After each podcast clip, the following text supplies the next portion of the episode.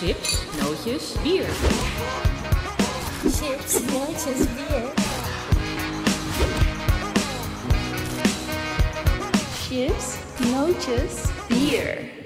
Goedenavond, het is 9 uur. De deuren van de kroeg Chips, Nootjes, Bier zijn weer geopend. Ik hoop dat u mij kunt verstaan. Het is ook de enige kroeg sinds deze week in Nederland die na tien uur nog gewoon geopend is.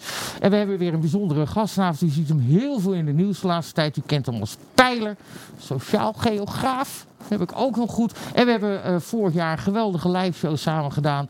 Uh, vanwege de Europese verkiezingen. 4,5 uur zaten we samen. Dames en heren, de handjes op elkaar. Voor de ventilator des vaderlands. Maries de Hond. Maar is het goed als ik hem afzet? Ja hoor. Het heeft geen nut, hè, zeg jij? Uh, het zou voor jou wel wat nut gehad hebben. Dat je me minder goed hoort? is dat uh, een hele goede... We zitten er gelijk in. Hoe is het met je? Ben je druk? Ja, ik heb het heel druk. Ja? Uh, nadat ik eigenlijk vanaf maart elke dag een blog had geschreven...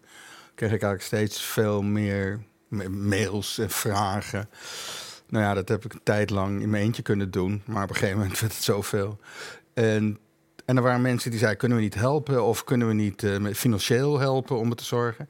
En op een gegeven moment dacht ik: ja, het is gewoon niet meer te doen, zo groot het geworden is. En blijkbaar zijn er zoveel mensen die daar waarde aan hechten. Want ik krijg ook heel veel bijna ontroerende mails die mij bedanken dat, de, dat ik ze gewoon. Uh, ja, de informatie die ik verstrek, dat, want veel mensen zijn heel angstig. En voor een deel nodeloos angstig. En toen ben ik gaan zeggen vanaf begin augustus, ja, als mensen het financieel zouden willen steunen, dan kunnen we het wat upgraden. En nou, dat ging uh, heel snel en heel goed. En dus nu hebben we de website vernieuwd, een soort kenniscentrum daarvan gecreëerd. En er zijn dan uh, een stuk of wat mensen gewoon dagelijks er nu mee actief. Dat is goed. Die heb ik ook op onze onderwerpenlijst. Daar gaan we het ook uitgebreid over hebben. We gaan het uiteraard over corona hebben, hoe jij er naar kijkt, hoe je in het nieuws bent geweest, waar je wel en niet geloofd bent. We hebben genoeg te bespreken. Ik moet ook altijd even uh, de sidekick, die ook mijn werkgever is, aankondigen. Dames en heren, u kent hem natuurlijk als Van Rossum, waar die stukjes onderschrijft. Als mijn werkgever slash opdrachtgever. En als mijn sidekick, wat eigenlijk een te lage term voor is. Dames en heren, handjes om elkaar voor Bart Nijman. Avond, Tom. Goedenavond. Praat jij nou expres een beetje langzamer en voorzichtiger om wat minder aerosolen te verspreiden? Praat ik langzaam, ja? Nou, oh, dan moet ik even wat aan gaan doen. Ja. Echt, uh, oké. Okay. Ik, ik, ik, misschien word ik rustig van Maries. Dat zou kunnen. Die, Die van straalt, die straalt een, eh, een natuurlijke rust uit. En Ja, inderdaad. Goed dat je er bent. Ehm, we beginnen eigenlijk normaal altijd met het nieuws van de dag. Maar het nieuws van de week, van de afgelopen maanden, zit eigenlijk bij ons aan de bar. ja, Jij eh, hebt al een biertje? Wat wil je drinken, Marie? Uh, groene ijsthee. Ik had het al verwacht, want dat had ik vanmiddag aan je gevraagd. Nee, ik drink geen bier. Nee, oh, helemaal geen alcohol? Nee, ik lust het gewoon niet. Nooit, nooit. eh, Nou, af en toe een slokje helemaal in het begin. En elke keer dacht ik, uh, oh, wat vies. En dan ging ik gewoon dat doen wat ik wel lekker vond. geen Daarom- lekker wijntje, niks. En wijn kan ik ook niet door mijn keel krijgen. Whiskytje. Nee, ook niet. Het, geloof ik, het enige wat een beetje alcohol is, eh, is dat eh Japanse... Raki. ja, Sake. sake. Sake, Raki is Turks, eh Bulgaars. Nee, sake. Dat, eh, omdat, maar ik denk dat is een beetje zoet. Ja, Maar alles wat met alcohol is, dat heeft bij mij een soort bittere nasmaak. oké. Ik had een, eh, mooie gerookte sake voor je kunnen meenemen. Dat waarschijnlijk wel, ja. Ja, maar dat doen we dan de volgende keer. Ik hoop dat je nog een keer komt. Fijn dat je er bent, Maries. Eh, proost met je, eh, Ja, dank je. met je goede ijsthee. Ehm, ja, de actualiteit eh, van deze week. Ja, de nieuwe maatregelen. Hoe heb je die bekeken? En onder- Nou, ik was wel redelijk geschokt door de, wat ze nu gedaan hebben. Kijk, je moet bedenken, er zijn inderdaad stijgingen ehm, van het aantal mensen die eh, positief test. En dus ook ten dele eh, besmet zijn. En er zijn ook meer ziekenhuisopnames en, eh, en zo. Maar als je het kijkt vergeleken met maart, dan zinkt het echt volledig in het niet. Terwijl ze aan het pretenderen zijn alsof we bijna drie dagen voor 15 maart zijn. En alsof eh, volgende week de IC's weer helemaal vol liggen enzovoorts. En daarmee is ontzettend veel angst gecreëerd. Ik bedoel, zonder, als ze geen enkele maatregel hadden aangekondigd, dan had nog ieder, heel veel mensen bibberend thuis blijven zitten. En als je dan wel maatregelen gaat aankondigen, dan moet je wel nadenken, eh, wat kan ik met die maatregelen over drie, vier weken doen? Nou, de maatregelen die ze nu hebben aangekondigd, die kunnen ze niet over drie of vier of vijf of zes weken weer terughalen. halen. Want oké, nu zijn er 3000 eh, positieve testen. Nou, zal het 2000 worden over vier weken. Wat moeten ze dan doen? Gaan ze zeggen, nou, kroegen nu om 11 uur of om 12 uur? Nee. Dus wat ze volgens mij hadden moeten doen, en dat had ik ook al eerder beschreven, trouwens, dat had ik ook al in het voorjaar beschreven. Ze hadden moeten beginnen met te zeggen van, oké, we beginnen met mondkapjes in de openbare ruimte. Dat lijkt eh, te werken. Misschien werkt het niet, maar veel wijst erop dat dat positief werkt. Het heeft ook nadelen, maar vooral positief werkt. Daarnaast hadden ze ontzettend na moeten drukken, ventilatie, ventilatie. Wat nu in Duitsland gebeurt. Hè. Merkel heeft dat gewoon net zo hoog gezet als anderhalve meter. En handen wassen zegt ze nu ook ventilatie. Dat is echt eh, de laatste twee we- weken. Nou, als ze dat hadden gedaan, dan hadden ze daarna kunnen kijken hoe had dat dan gelopen. En als dat dan gestabiliseerd of naar beneden was geweest, dan zou je daarmee door kunnen gaan. Eh, en de rest eh, hetzelfde houden. En als dat niet had gewerkt, dan had je kunnen bijschalen. Wat ze nu gedaan hebben. Ze hebben eigenlijk een groot deel al gedaan. En ineens nog ja, in een soort chaos ook nog mondkapjes. Omdat het RVM heel lang er tegen is. En, eh, en eigenlijk tot op het eind. Maar uit politiek gezien moesten ze uiteindelijk wel. En nu heb je eigenlijk een combinatie van maatregelen waarbij je ook niet eens weet welke werkt nou wel en welke werkt nou niet. En ik ben bang dat we eh, tot aan het eind van de winter of zelfs in de, tot aan de lente in deze situatie blijven. Want wat de belangrijkste factor is geweest in het voorjaar was het betere weer zorgde in heel West-Europa, ook in New York, tot een naar beneden gaan van, eh, van het aantal eh, besmetten. Eh, daar hebben maatregelen zeker ook bij, toe bijgedragen. Maar in Zweden zie je, daar is het ook naar beneden gegaan, maar iets langzamer. En het, het najaar en zeker ook de herfst, de winter, zullen zorgen dat het virus zich, zoals ook met griep gebeurt, dan weer sneller kan verspreiden.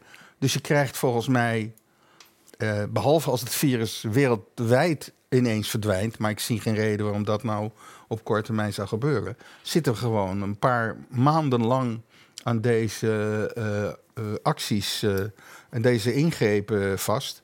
Terwijl als je kwantitatief kijkt wat de situatie is, ja, dan is het heel overzichtelijk. Als we nu kijken bijvoorbeeld het aantal mensen wat per dag overlijdt aan, nou ja, aan of met corona. Nou, dan is het momenteel rond de 13, 14, waarvan driekwart uit zorginstellingen komt. Waarvan vrijwel niemand onder de 70 jaar komt. Dus, en per dag overlijden, nou uit mijn hoofd, ru- ruim 400 mensen. En dan van die 400 mensen die overlijden, zijn er dan drie, vier, vijf, waarvan je zegt, nou ja, dat hangt er maar hiermee samen. En dan is gewoon de vraag, ga je al die dingen die je doet ten aanzien van de samenleving, economie, maar ook volksgezondheid, blijf je dat gewoon doen? Ja, ten behoeve van wat precies? Afgelopen, afgelopen dinsdag, in de, in de, of afgelopen maandag was het deze week, in de persconferentie van de Rutte en de Jonge, zei de jongen op een hele bijna dreigende toon dat één op iedere 170 mensen die je nu tegenkomt, kan besmet zijn. En toen dacht ik, ja, maar dat is toch helemaal niet veel? Want ik kom hier vandaag vijf mensen in totaal tegen. Eh, en die andere 165 die ik misschien op straat tegen zou komen, die kom ik op straat tegen. Daar praat ik niet mee, daar zit ik niet mee op korte afstand. Daar, eh, het, het, het, het klonk onnodig dreigend. Het klonk alsof je eigenlijk andere mensen verdacht moet gaan vinden die je tegenkomt. Terwijl de meeste, je komt geen 170 mensen tegen op een dag onder de huidige omstandigheden meestal. Maar heb jij nergens gevoel, Bart, maar ook, ook voor jou, Maurice, dat ehm, zo'n regel is. Nou, eerst moesten ze om 12 uur de licht aan, om 1 uur dicht. Nu is het om 9 uur de licht aan en om 10 uur dicht. Dat dat meer een beetje is om eh, die druk erop te voeren bij mensen. Van jongens, pas op, dit en dat. En nee, die horeca, dat is toch wel een beetje ja, het, middelpunt van Nederland. De olie, eh, van- het smeermiddel van de maatschappij waar iedereen komt. En dat voelen mensen en dat ze dan misschien bewuster worden of angstiger worden. Dat Nou ja, dat wat- de reden een beetje is. Nou ja, wat je een beetje merkt, en dat was. Kijk, toen het half maart was toen, en we heel, relatief weinig wisten, dan begrijp ik alles wat er toen gebeurd is. Want eh, ja, de WHO zei 3% van de mensen die, zie- die besmet wordt, gaat dood. Eh, de cijfers gingen echt eh, sky high in Nederland. En trouwens in het groot deel van West-Europa. En we hadden Bergamo gezien, waar de, waar, de, waar de mensen in de gangen lagen en zo.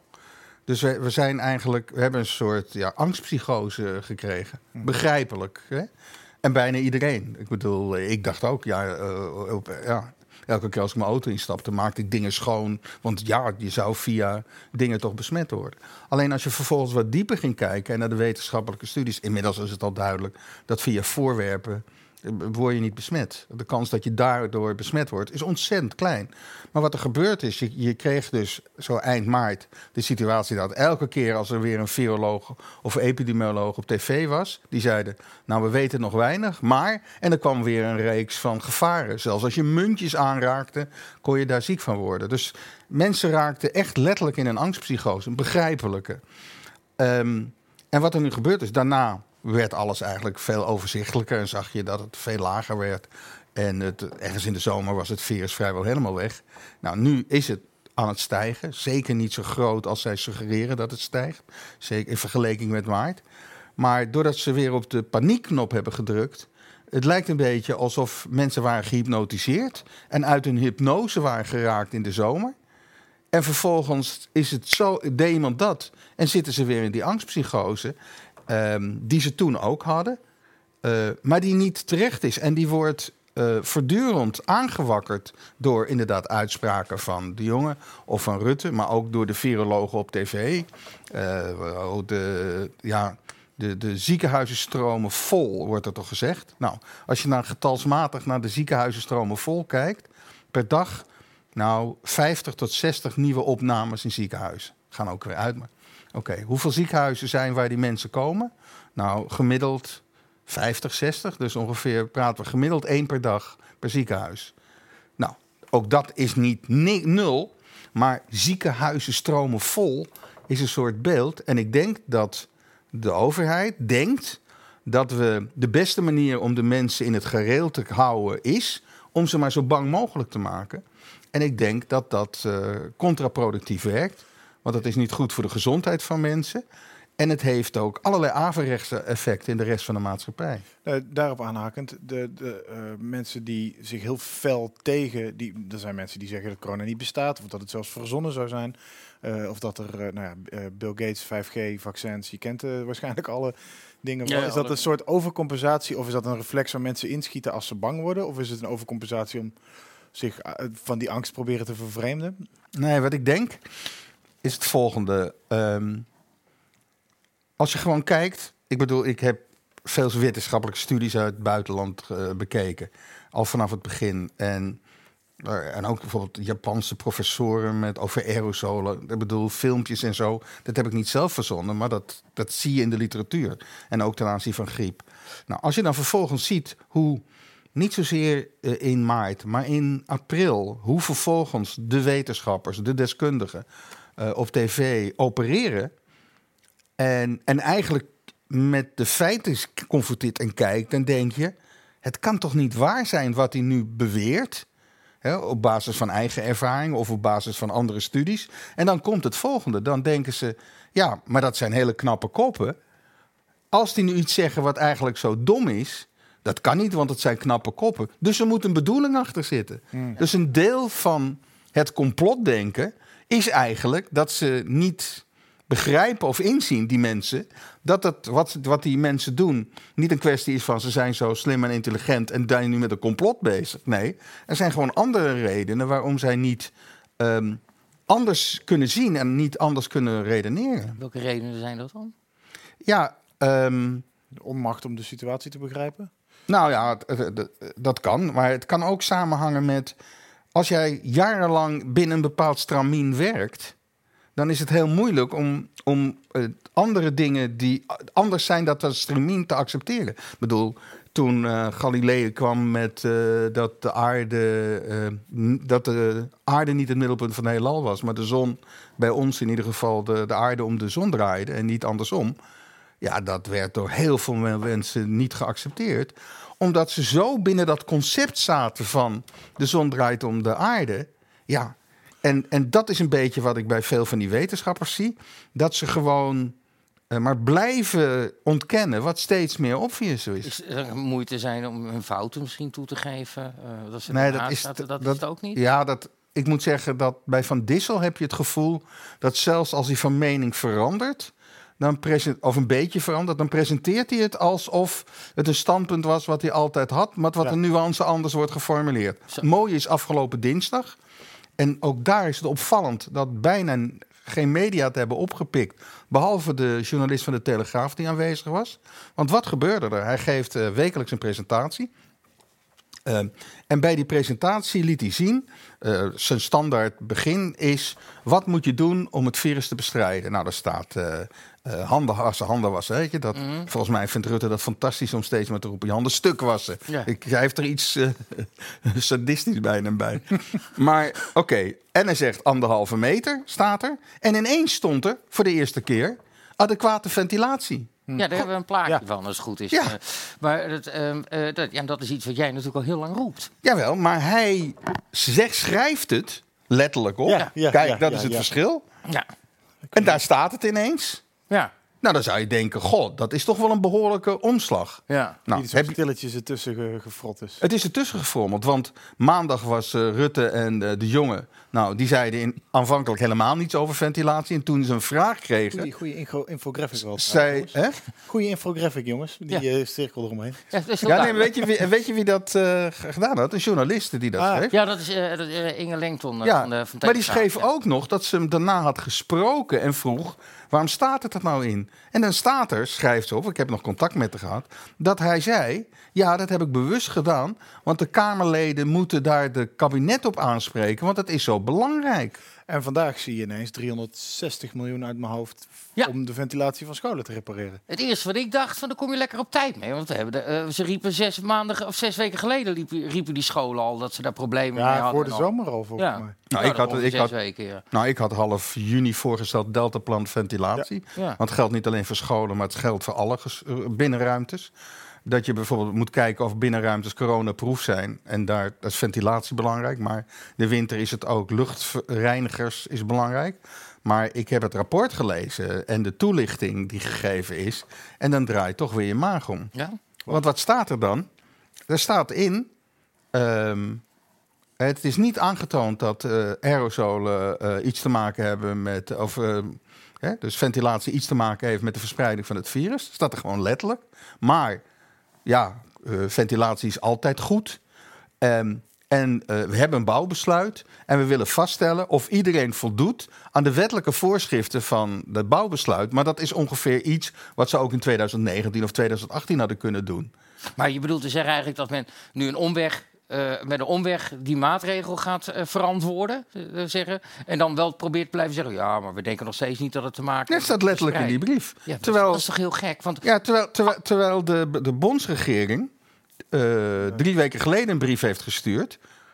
naar alle belangrijke instanties, ook werkgevers. Die zei: aerosolen zijn heel belangrijk. De bestrijdingsmanier is via ventilatie en luchtreiniging. en hier, ik ben blij dat het onderwerp er eindelijk is.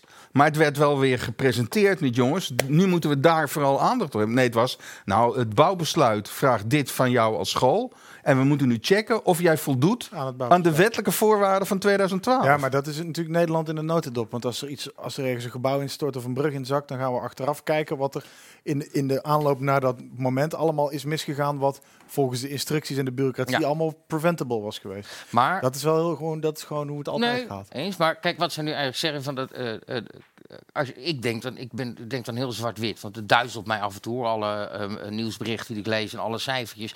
Ehm, dat als je zegt van nou ja, die lucht, dat, dat die luchtventilatie niet, die, niet zorgt voor verspreiding. Of het is, hè, dat, dan zou je eigenlijk zeggen, ja, weet je, dan zou het gewoon eigenlijk helemaal niet door de lucht verspreiden. Dan zou het gewoon naar beneden vallen, die aerosolen. Nee, je moet het zo bedenken. En ook dat heb ik geleerd van wetenschappers in Amerika die daar al heel lang mee bezig zijn. Ehm, als jij hoest, praat, niest, dan komen er druppels naar buiten. En die druppels hebben een grootte van, laat ik zeggen, de doorsnede van een haar.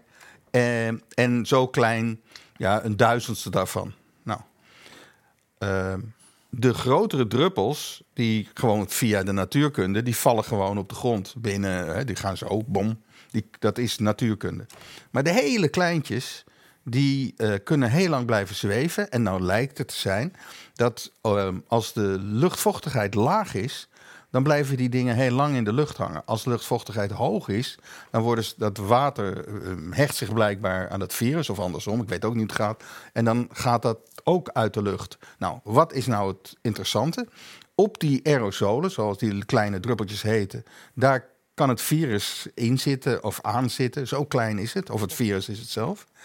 En als jij in een ruimte verkeert waar die veel in de lucht zijn en je ademt in, en dan niet één keer, maar, meer, maar een tijd, dat komt rechtstreeks je longen in. En dat is de plek waar dat virus eh, eh, ja, zich Invreed, ja. ja, in, makkelijkste invreet. En je Maar daar ook het ergste ziek van kan Volgens worden. deze theorie zou het nu, eh, is een warme, droge zomer, is, is het buiten ook niet veilig, omdat daar dus, dus die aerosolen langer in de lucht hangen. En als je nu naar buiten loopt waar het lekker miezert en herfstig weer is, dan is het eigenlijk veiliger dan nu hier binnen.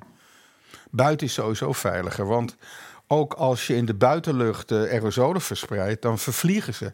Want dat is ook de, het, het voordeel van ventilatie. Als je dus ventilatie in een ruimte hebt, dan verfrist de ruimte zijn lucht. Eh, bijvoorbeeld, het heet ventilatiefout, maar dan V-O-U-D. Hoeveel maal per uur verfris, ververs je de hele ruimte? Nou, en dat lijkt ongeveer negen keer per uur te moeten zijn, minimaal. Maar dat betekent dat de, als daar aerosolen in die ruimte zitten, dan vervliegt dat. En dan zijn het als het ware te weinig om zoveel in te ademen dat je ziek wordt. Buiten vervliegt het per definitie. Dus ik heb, ik heb thuis een, een hete luchtverwarming met zo'n terugwin eh, ding. Dus die haalt de lucht, die, die ververst de lucht vier keer per uur of zo. Dus ik heb een relatief veilig huis, zou je dan zeggen. Even als koele Dyson, zeg maar. Nee, nee, gewoon mijn verwarmingsinstallatie thuis is geen cv, maar een hete luchtverwarming. Dus wordt bovenin wordt warme lucht geblazen en onderin zuigt hij het weer op en ververst hij het. Dus dat is in principe, zeg jij, een veilige, relatief veilige situatie ten opzichte van gesloten. Nou, wat, wat, wat er gebeurt met gesloten ruimtes, met, je hebt ook ventilatiesysteem, want in een gesloten ruimte moet er wel een soort ventilatiesysteem Ergens moet lucht circuleren. Maar wat er gebeurt, is als je energiezuinige systemen hebt, dan proberen ze zo min mogelijk koude lucht naar binnen te halen, want die moet verwarmd worden. Er blijkt ook iets te zijn, ook weer geleerd, een warmtewiel. Die de lucht die naar buiten gaat, de warmte eruit haalt. En bij de lucht die naar binnen komt, die warmte weer afgeeft. Maar je merkt dat bij afstelling, en zeker omdat we steeds meer huizen hebben die volledig zijn geïsoleerd, dat we steeds meer afgesloten raken van die verse lucht.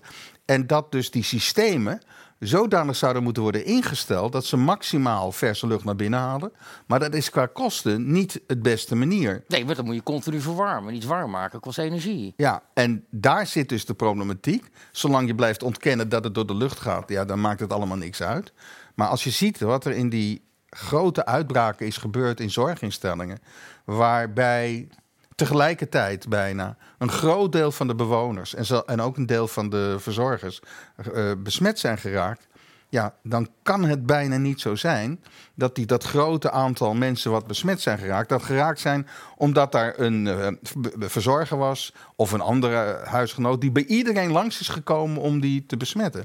De kans is veel groter dat het virus ergens eh, in, het, in de ventilatiesysteem terechtgekomen zijn en, ver- en verspreid over het huis, zodat die mensen en ook vaak de ramen zijn dicht omdat het in zekere hè, de, je kan verkouden worden enzovoort. En die mensen zitten dan eigenlijk de hele dag het risico dat ze het virus aan het inademen zijn. En, kijk, En hoe, meer, terug- en hoe meer je er, sorry Tom, hoe, meer je ervan inademt, hoe groter. Want dat, dat is mij zo opgevallen in, het, in de eerste golf. Dat eh, mensen die in de, eh, bijvoorbeeld in de medische zorg werkten om coronapatiënten te verzorgen, dat die zelf ook vaak ziek werden, ongeacht hun leeftijd en ook als ze zelf gezond waren en zo. En dus eh, zieker leken te zijn dan mensen die daar binnengebracht werden. Dus dat je, als je vaker of meer in aanraking komt met het virus, dat je ziekteverschijnselen ook eh, zich sterker manifesteren. Ja, maar dat, dat bewijst ook bijna dat het eh, via de lucht gaat en in je longen terechtkomt. En dat een En dat heet die virale lood. meer Want de, effect do- heeft. de dosis is het effect. Ja. Eh, een mooi, en dat, ook dat wisten we niet in, in maart. Maar er was een fantastisch onderzoek uit Duitsland, vlak over de grens. Vergelijk het met een glas bier. Als je een glasje bier neemt, dan is er niks aan de hand. Neem je tien glazen bier, dan Nee, heb je zo werkt het een heel ander effect. Ja. Ja, dat is goed. Maar, en dat is goed dat je een glas bier hebt, want dat was dat onderzoek in Kruisberg. Want dat ging voor een deel eh, tijdens carnaval enzovoort. En hij onderzocht mensen die tijdens carnaval besmet waren geraakt en de mensen thuis. En wat bleek nu het heel interessant, en dat was een eigenlijk de eerste keer dat we dat zagen. Als jij bij carnaval besmet was geraakt, werd je gemiddeld zieker dan als je thuis besmet was geraakt door een huisgenoot. Ja. En dat was een factor 1,6 keer zoveel symptomen. En de mensen bij het carnaval, daar was 16% wel besmet, maar wist het niet. Thuis 38%. En dat houdt dus in, dus blijkbaar in die carnavalomgeving gebeuren er dingen. En Ja, dus daar mo- daar mogen we het niet over hebben wat er in die carnavalsomgeving Diep- allemaal- Nou, Diep- ik wel. Jij niet. want Jij bent een Brabander. Maar ja, carnaval. Het kan me voorstellen. Bij vier dagen non-stop zuipen, zuipen en uh, vreemd gaan. Weet ik het allemaal. Dat, het, eh, dat je en je weerstand lager is. En door al dat gezoem met elkaar. Dat de boel ook sneller verspreidt. Eh, Nou, ik wat- sta wat- er niet van te kijken. nou, waar het op lijkt. Iedereen, iedereen wordt sowieso ziek van carnaval. Iedereen is verkouden, grieperig, snotterig na carnaval. En als er dan dus ook nog zo'n virus tussen Ja, nee, Gelijk afschaffen. Ik ben nooit Ja. fan geweest, zeg ik voor de record. En wat je ook ziet is bijvoorbeeld koren die eh, ziek zijn geworden. Ja. En, en daar wordt gezegd erg. van, ja, daar wordt van gezegd dat dat komt door eh, het zingen. En dat zal zeker zijn, want iedereen zingt en stoot dus ook ja, wellicht virus uit als iemand besmettelijk is. Maar wat, waar mensen weinig aan denken, is dat je bij zingen ook heel diep inademt. Ja. Dus ik bedoel, wij bij het praten zijn veel oppervlakkiger aan het ademen dan een zanger. Ja. En als je dus heel diep inademt, zorg je ook voor als er virus in de lucht is, dat die ook nog dieper naar binnen dringt dan. Oh, ik moet gelijk aan de burlende herten denken. Want die, die doen dat ook. En dat, daar zijn Nederlandse kampioenschappen van volwassen Oh, die dat ook doen. Dat is ook best Ja, dat zou ik best in de buitenlucht Dan ja, doen. Het concertgebouw is ook een tijdje zonder blazerssectie moeten opereren, zou je Ja. zeggen. Maar daar, En, ja. Jezus, ja. Inderdaad. Even terug naar die ventilatie op die scholen. 300, je hebt wel meer verstand van scholen. eh 360 miljoen voor ventilatie op scholen. Is dat genoeg, denk je? En op hoe, want dan mogen ze ook wel gaan opschieten als je dat... Nou ja, wat, ze- nee, wat er net op de radio hoorde ik. Dat ze, eh, de mensen uit de installatiebranche zeiden: Nou ja, dat, dat halen we echt niet in de winter. Even Eh, Dat in. kost gewoon een hele tijd om dat allemaal te doen. Dat is één. Ehm, en, zoals ik al net zei, vind het is prima dat ze dat doen. En wat ze vooral moeten doen is protocollen. Al, want je kan met CO2-meters ongeveer meten hoeveel frisse lucht er is. Dus of die ventilatie in voldoende mate is. Maar je moet protocollen hebben als in een ruimte een bepaald niveau wordt overschreden. Dat je gewoon uit die ruimte Net als gaat. een koolmonoxide melder. Of, ja, het is, het is letterlijk Ja. koolmonoxide. Alleen niet een melder van... Want als het heel veel Mhm. is, dan gaat het ook mis. Maar 450, 400, 450 is buiten eh, de waarde. En in als je één, twee mensen thuis bent, is het een beetje 500. Maar als je met kinderen in een klas zit, eh, op school, leerlingen, kan het eh, 2000 of 3000 worden. Als je niet goed eh, lucht. En dat Eh, is dan een indicatie dat het niet verfrist. Je herkent allemaal dat effect als je in een, een klaslokaal of een, een, een collegezaal of een vergaderkamer zit. En nou, hoe langer je er zit en met een paar mensen... hoe- Suffer je. hoe suffer je wordt. ja. En dat is Maar- gewoon omdat de zuurstof uit de lucht verdwijnt la- na verloop van Ja, bedompte lucht dan. Wat wel ons wel opviel, dat is die, eh die Doekle Terfstra. Die man is eh, eh, voorzitter van de commissie Onderzoek Ventilatie Scholen. En hij is ook voorzitter van Techniek Nederland. En dat is weer de belangenclub van de installatiebranche. Ja, nou, ik hoorde hem vanmiddag daarover. En hij zei dat hij alleen even nu onpartijdig voorzitter was. En dat hij nu meteen af was getreden. Oh, dat is snel Eh, gegaan. Nee, maar dat was ook de afspraak. Hij was even een tijdelijke... Want in die commissie zat de PO-raad, de VO-raad en anderen. En hij, juist wegens de belangen, mogelijk belangentegenstelling, is hij... eh, ik hoorde het in een radio-interview. Ik zat... Nou, hebben we dus dat, dat- Maar dat waren zijn eigen woorden dan. Ja, Doekle Terpstra komt natuurlijk al... Die, die, die loopt altijd het rondje door de, door de carousel als er ergens gevoorzitterd of... Ge... Ja, goed. Die zit in, eh, in, de bekende zo- baantjescarousel. Denk je. Maar je, eh, ik zeg, je zal er hier voor de zomer al mee moeten beginnen. Want die geluiden heb ik volgens mij van jou destijds ook gehoord. En van anderen Nou, ook. ik heb in april, op 2 april al geschreven. Dat was het moment waarop ik door dat filmpje uit Japan... van een professor, voorzitter van de Japanse organisatie van infectieziekten... nou, toch niet niks. Die liet gewoon zien aerosolen, hoe, hoe dat ontstond en dat er ventilatie was. Dat heb ik gedacht, Eureka, nu snap ik. De patronen die ik zag, maar niet kon verklaren... kon ik daardoor ineens wel Wij verklaren. zaten, wij zaten op dat moment nog naar gifjes te kijken, eh, animaties te kijken van hoe corona zich door een vliegtuigbuis zou kunnen verspreiden. Wij zaten nog in de bankmaakfase bedoel ik. Ja, nou en, dat, en toen was ik op 19 april bij Op 1. Ehm, en toen heb ik dat letterlijk gezegd. Eh, ik heb superspread events laten zien. Ik heb aerosolen genoemd. Ik heb ventilatie genoemd. En ik drukte mijn zorg uit, want dat doe ik al sinds voor begin april. Dat in zorginstellingen, doordat men ja, op het verkeerde let om mensen te beschermen en niet let op de ventilatie als mogelijke ziekmaker, ja, dat je dan een situatie creëert waarin veel mensen ziek worden. En dat is in de hele wereld zo. Er Hè? werd gefocust op wat de besmettingsoorzaak was, maar niet op wat een preventiemiddel zou kunnen zijn.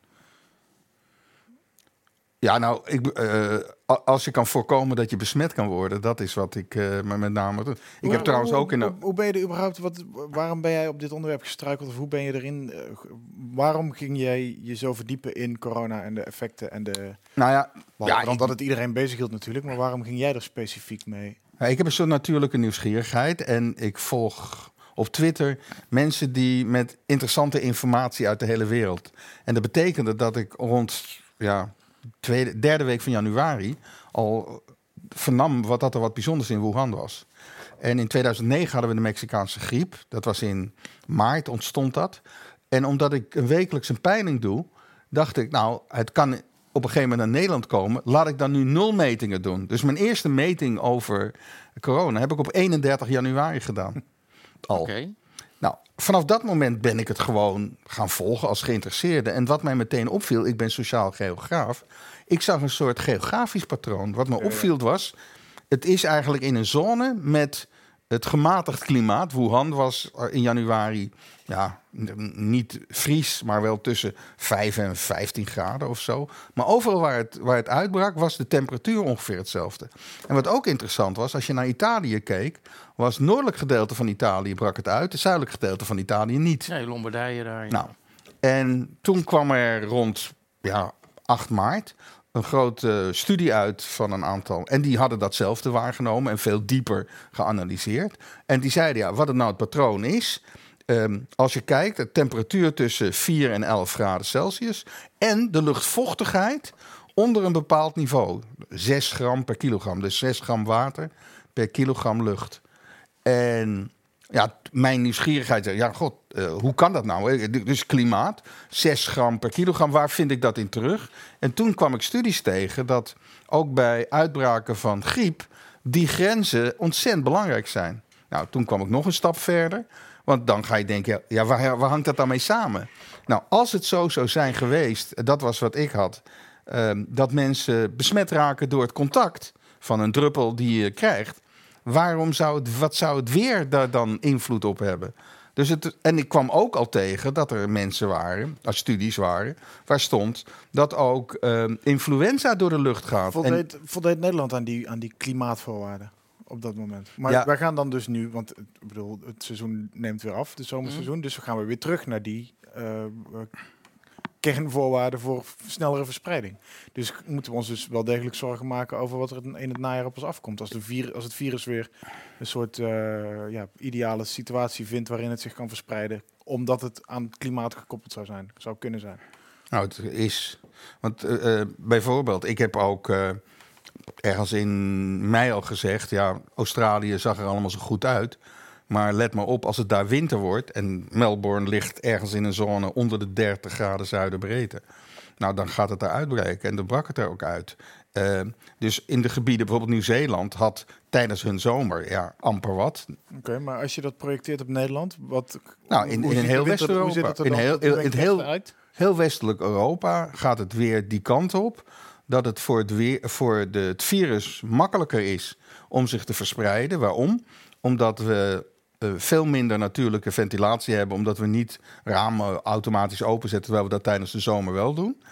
Ehm, omdat ehm, eh, met UV-licht aan de buitenkant, de zon, het virus heel snel eh, gedood wordt. En dat is in de winter minder het geval. En omdat mensen meer in binnenruimtes zijn, waar de luchtvochtigheid te laag Dus is. behalve luchtreinigers moet je ook eh, UV-lampen kopen. Voor, eh, Nou, er zijn luchtfilters. En sommige van die luchtreinigers zijn gebaseerd op het principe van UV-licht. Je hebt eh, ionisatie, UV-licht, HEPA-filters. Ja.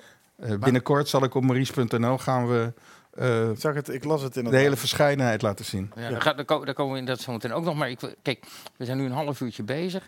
En het duizelt mij al met eh, eh, cijfertjes die je noemt. Met ik heb dit gelezen en ik heb dat gelezen.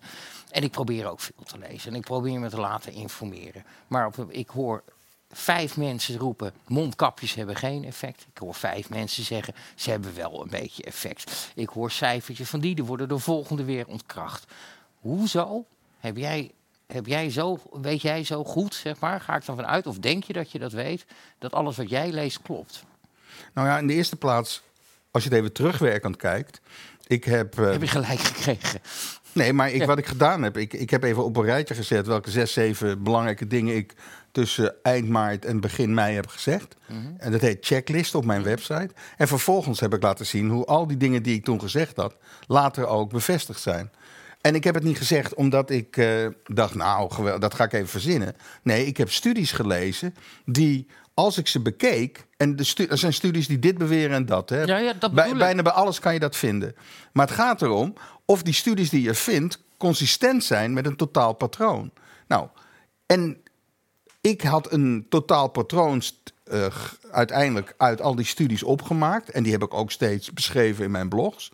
En dus kwam ik de bevindingen die ik tegenkwam en de studies die ik tegenkwam, als die in dat totale model pasten, dan dacht ik, ja, dat is de verklaring. En wat ik nu zeg is, eh, op dat moment heb ik het logisch proberen te, te onderbouwen.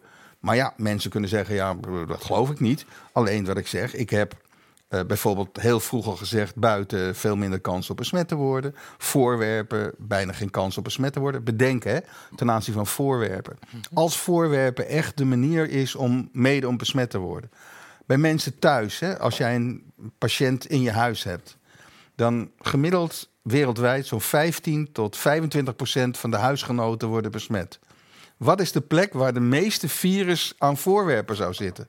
Ja, Ja, thuis, thuis, ja. ja. Eh, Ja, de deur, Ik en weet- in het begin werd gezegd dat het tot drie weken lang op een conserveblikje ook. kon blijven leven of zo. Nee, niet le- het leeft sowieso niet, virus. Ja. Ehm, dus je kan het nog aantreffen na drie weken, maar dat is niet het punt. Je, als, je, ik bedoel, als je hier met een microscoop gaat kijken, moet je kijken wat je daar aantreft. Het enige is, kan het daarna nog zich vermeerderen? En dat kan het niet meer. En dat is inmiddels aangetoond. Dat kan het eigenlijk meteen al niet meer. Dat is alleen Maar- geluk. Leest Jaap van Disselen niet dezelfde eh, onderzoeken, et cetera? Nou, er zijn twee opmerkingen over te plaatsen. In de eerste plaats, ik heb met sommige mensen bij het RVM gesproken... en dan kwam ik weer een nieuwe studie tegen. Hoe kwam ik die nieuwe studie tegen? Omdat ik steeds meer mensen die mijn website hadden gelezen... kwamen waar dan ook in de wereld een studie tegen. En een, een uur later heb ik die studie al gezien. En ik sprak wel eens met mensen van het RVM... en ze goh, wat is een interessante studie, twee weken oud. Die hadden ze niet gezien. Dus dat is één. Ik denk dat ze zoveel aan het doen zijn dat ze niet alle studies echt eh, de tijd hebben om te zien. Tweede plaats, wat ook het probleem is, de WHO en alle lokale RVM's, ja, die vormen een soort eenheid, hebben ook bijna hebben wekelijks overleg. En er is een soort eh, gezamenlijk standpunt waar ze allemaal min of meer in blijven. Daar willen ze naartoe werken of zo? Nee, daar blijven ze gewoon in. Want ze hebben een standpunt gehad. Ja, en daar, vanaf, ja, ja. daar wijken ze niet meer van bijna af. als wat of een soort re- VN-resolutie die wordt aangenomen van nou, nou hebben we dit besloten, dus nou. Ja. En eh, als je dat wil aanpassen, is er bij wijze van spreken een soort diplomatie nodig in plaats van wetenschap of cijfer. Ja, en dan pretenderen ze wel dat het allemaal wetenschappelijke Het eh, dingen zijn. Maar, sterk, maar het, het, eh, het, het zijn geen wetenschappelijke argumenten primair. Het is bijna een soort machtspolitiek. Want ik weet ook van bijvoorbeeld het OMT-vergaderingen. En voor de eerste keer dat ik het nu in de media ook las, na dit weekend, want er is veel gebeurd dit weekend met het OMT. Dat daar intern ook nogal tegenstellingen zijn. Ja, Ja, maar is dat kwam, want Ja. maandag kwamen er adviezen en de dag daarna kwamen er on- eh, anonieme bronnen uit het Ja. OMT die ontevreden waren met wat de overheid besloten had en dat ze hier strenger en daar wat anders hadden. Nee, er was nog iets veel ergers gebeurd, voor, vonden ze. Afgelopen weekend was er een groot eh, ehm, eh, bij het Katshuis overleg, waar ook Van Dissel was. Mhm. En Van Dissel is als het ware opgedragen eh, met welk advies het OMT moest komen. Ja, dat, En dus het OMT-leden riepen, wij is- konden alleen maar tekenen bij het kruisje. Ja, ja, maar als je nou kijkt naar die, naar die RIVM, dan is het eh, hun excuus. Als je dat vraagt aan ze, ik heb het ook aan Van Dissel nog gevraagd eh, eh, dinsdag. Die zei, zegt ja, ehm, dat komt omdat wij zitten met meerdere mensen. En, meerdere, en verschillende mensen hebben verschillende meningen. En uiteindelijk komen we dan samen en dan discussiëren we erover. En dan beslist Van Dissel. Ja, en dan beslist Van Dissel. Zou het dan misschien een manier zijn, niet, ik, ik wil niet zeggen dat ze hun werk goed of slecht doen. Dat, is mij, dat, is, dat oordeel wil ik helemaal niet geven. Maar dat je wel zegt, na zeven maanden is het even tijd voor een, eh, voor, voor een rits nieuwe koppen. Gewoon een nieuw team. Nou ja, ehm, ik denk dat de, de, de, vooral de verantwoordelijkheid ligt natuurlijk bij de regering en niet zozeer alleen bij Van Dissel. Alleen je kan op een gegeven moment vaststellen, dat ten aanzien van nieuwe ontwikkelingen, Me- Merkel, ik heb eh, de regering geadviseerd. Op 16 augustus heeft Merkel in een persconferentie gezegd dat aerosolen heel belangrijk Ja. zijn. En dat zij maatregelen en geld zouden gaan besteden om dat eh, met ventilatie aan te pakken. En, en wat mij ontzettend opviel, ik bedoel, in de Nederlandse media amper geweest. Ja, toen ik zelf In Nederland Eh, sturen we heel erg op, op, op persoonlijk gedrag. En Rutte die steekt het heel erg in op van eigen verantwoordelijkheid. Je moet onze eigen verantwoordelijkheid nemen. Je moet aanpassen. Je moet een beetje. Want hij wil niks keihard maken. Geen hele strenge. Ja. Hele harde. En, maar tegelijkertijd wel heel erg een beroep doen op die. Op, Nee, op ik vind- persoonlijke verantwoordelijkheid. Terwijl er weinig gekeken wordt naar praktische oplossingen. Ja, nu gaan ze dus geld naar die scholen sturen. Maar is een beetje weinig en een beetje laat. Maar Bart, het is er ook wel een beetje zo dat het continu een advies is. Nu komt er dan naar buiten. eh, we hebben een beslissing genomen. Dwingend advies voor middelbare scholen. Mondkapjes opzetten. Maar zeg dan Ja, gewoon dat was- mondkapjes dat, opzetten. dat was of een niet? idioot moment in dat debat van gisteren. woens- ja, woensdag. Eh, dat er ineens een, in, de, in de persco van maandag wordt er geen mondkapjesplicht afgekondigd in de publieke ruimte, openbare ruimte. Vervolgens in het debat op woensdag blijkt daar wel een meerderheid voor te zijn in Dat de kwam Kamer. door mij. En ter plekke, dat kwam door jou. Ik liep als enige met een mondkapje Oh ja, dinsdag Hij rond. liep met een mondkapje in de Tweede Kamer aan, aan politici te vragen van, ja, eh, als jullie zo voor die dingen zijn, waarom draag je hem dan hier zelf niet? Dan stonden ze allemaal aardig met een mond vol tanden. En Ja. dat konden we zien, want ze droegen Ja, Ja. Maar eh, in dat debat was dus ter plekke een Kamermeerderheid. En, of er was op dat moment een Kamermeerderheid. En ter plekke zegt Rutte, nou vooruit, dan maken we er nu een binnen dat, ja, maar daar geef je wel aan. Kijk, dat je ook niet eh, weet wat je aan het doen bent. Ja, maar Nee, nee, maar, nee, maar, nee, maar wat erger is... ehm, er zijn redenen om te zeggen van mondkapjes hebben wat meer voordelen dan geen mondkapjes onder de huidige omstandigheid. Oké, als je dat eenmaal beslist, dan moet je er ook voor gaan. En dan kan je zeggen, luister, we zien wel meer voordelen dan nadelen. En we willen het doen. Waarom willen we het doen? Om te voorkomen dat we dat en dat en dat moeten doen. Nou, dan geef je een argument en je hebt al een communicatieplan enzovoorts. Nou, omdat Van Dissel vanaf het begin eigenlijk eh, mondkapjes maar niks vond... en zelfs toen we het openbaar vervoer gingen doen, zei hij eigenlijk niet nodig... Ja, ik denk, hoe, hoe kan hij dat zeggen? Hoe mag hij dat nog zeggen? Ja, omdat er een tekort was. Nee, maar het, nee, het ging over openbaar vervoer. In het, eh, vanaf 1 juni was dat Ah, ja, verplicht. ja. Toen zie, riep hij nog steeds dat. Daarvoor, ook in de instellingen, vond hij het allemaal maar niet belangrijk. En doordat, als ware, we met z'n allen Van Dissel mee moeten trekken als een weigerachtige eh, dier...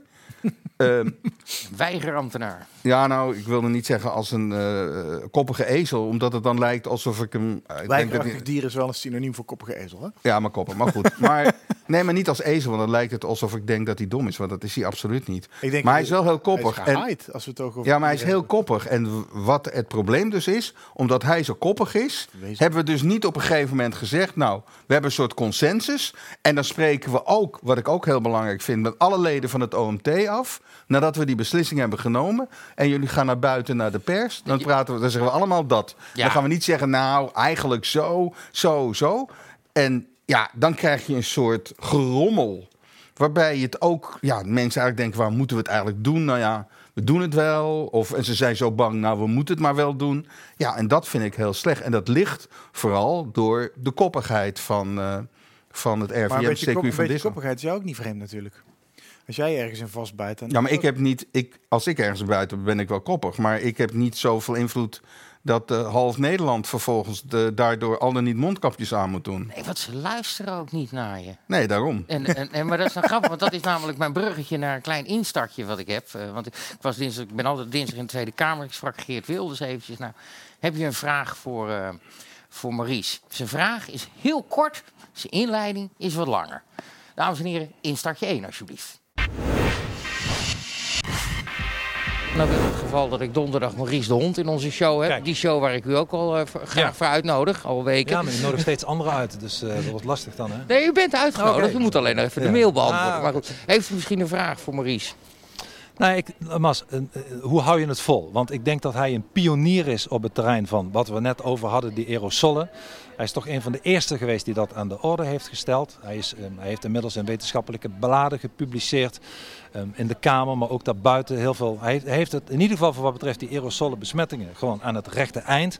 En ehm, ja, hij krijgt toch niet, de, eh, vind ik althans, eh, de eer en de krediet die hij verdient. Niet alleen hij persoonlijk, maar ook het belangrijke thema van die aerosolen. In andere landen wel, maar hier de heer Van Dissel, want uiteindelijk gaat het erom. eh, Rutte en de jongen zijn eigenlijk de buikspreekpop van Van Dissel. Zij doen toch eigenlijk wat hij zegt. En Van Dissel eh, wil daar niet aan. eh, dus de hond en staat in zijn hemd. En dan is dat niet alleen iets wat ik hem niet gun, maar dat is vooral slecht voor Nederland. Want nogmaals, het is geen onzintheorie. De TU Delft heeft laatst een filmpje gemaakt van een, een, een proefopname van iemand die zit. En iemand die achter die persoon eh, niesde en hoestte. En hoe die kleine deeltjes aerosolen zich verspreiden in een ruimte die slecht geventileerd wordt. Dan zag je dat om die persoon heen miljoenen druppeltjes eh, hingen en bleven hangen. En je zag zo'nzelfde simulatie met waar een raam open stond en waar ventilatie was. En dan zag je dat die enorme hoesbaai eigenlijk in twee seconden doortrok. Nou, dat is wat Maurice de Hond en vele anderen met hem bedoelen. Dat is waarom je ventilatie nodig hebt in binnenruimtes. En dat is, als je dat niet oplost, dat je deze eh, pandemie nooit echt zal oplossen. En ik heb respect voor Maurice dat hij dat doet. En mijn vraag is eh, eigenlijk van, ehm, ehm, hou het alsjeblieft vol, want eh, we hebben hem nodig. Nou, oh, sorry, ik was al aan het praten, maar we waren er nog helemaal niet. Hij begint, hij heeft de hele vraag, hoe hou je het nog vol? Want je hebt natuurlijk heel vaak misschien wel het gevoel gehad van, I hate to say, I told you so. Ik heb het al gezegd, maar je staat ook dan weer niet met je vingertje te wijzen. Vind ik dan ook wel weer netjes.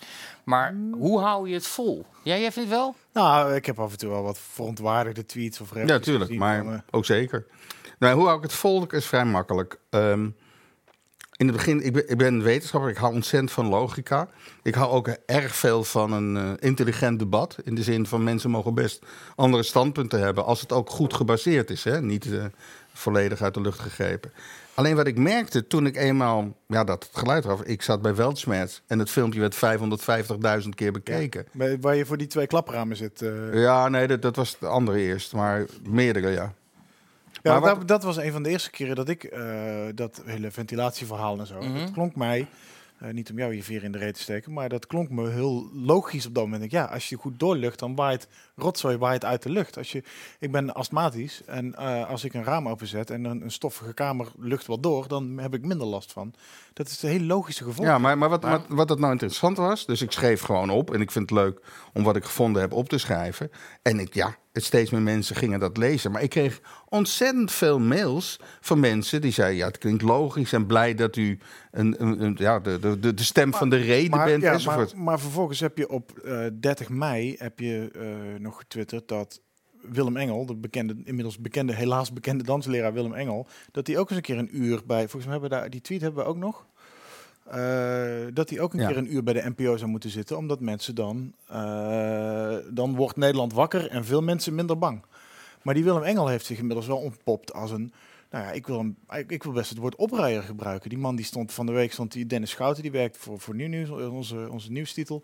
En hij was daar namens Pound, maar goed, die stond op, de, op, de, op het plein voor de Tweede Ja. Kamer. En Willem Engel die ging hem staan knuffelen. En ja, dat is op toch een behoorlijk...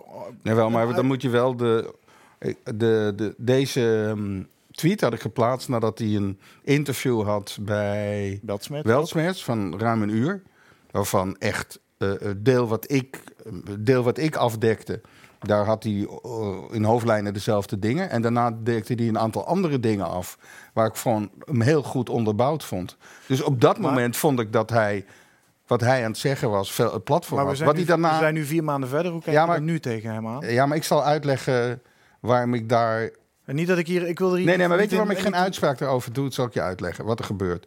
Er zijn gewoon een aantal mensen die me vanaf dag één eh, eh, proberen te pakken op wat dan ook. Die niet wat ik geschreven heb serieus nemen. Mhm. Die in hun, ehm, en dat is voor een deel, laat ik zeggen, meer eh, trollenachtig, die blijkbaar hun levensbevrediging ja, is ja, de hele kennen. dag eh, eh, dat er zijn. Nou prima, als ze daar plezier in hebben, wat een arm leven heb je dan. Ja. Maar er zijn ook Daar leeft de Twitter van hoor, van dat ja. soort mensen. Nee, dat is niet. Ik heb van Twitter heel veel mensen waar ik veel die, Ja, waar goed, ik informatie krijg en zo. Maar goed, maar wat belangrijk is dat dat mensen zijn die eh, eigenlijk helemaal niet serieus op mijn argumenten ingaan, maar mij dan ehm, willen pakken ten aanzien van met wie ik al dan niet Ja, maar maar Maar, en maar wat dat ik wil- dus zeg is, eh, er zijn dingen ah, wat die Willem Engel nu doet waarvan ik denk, ja, hoe kan je het doen?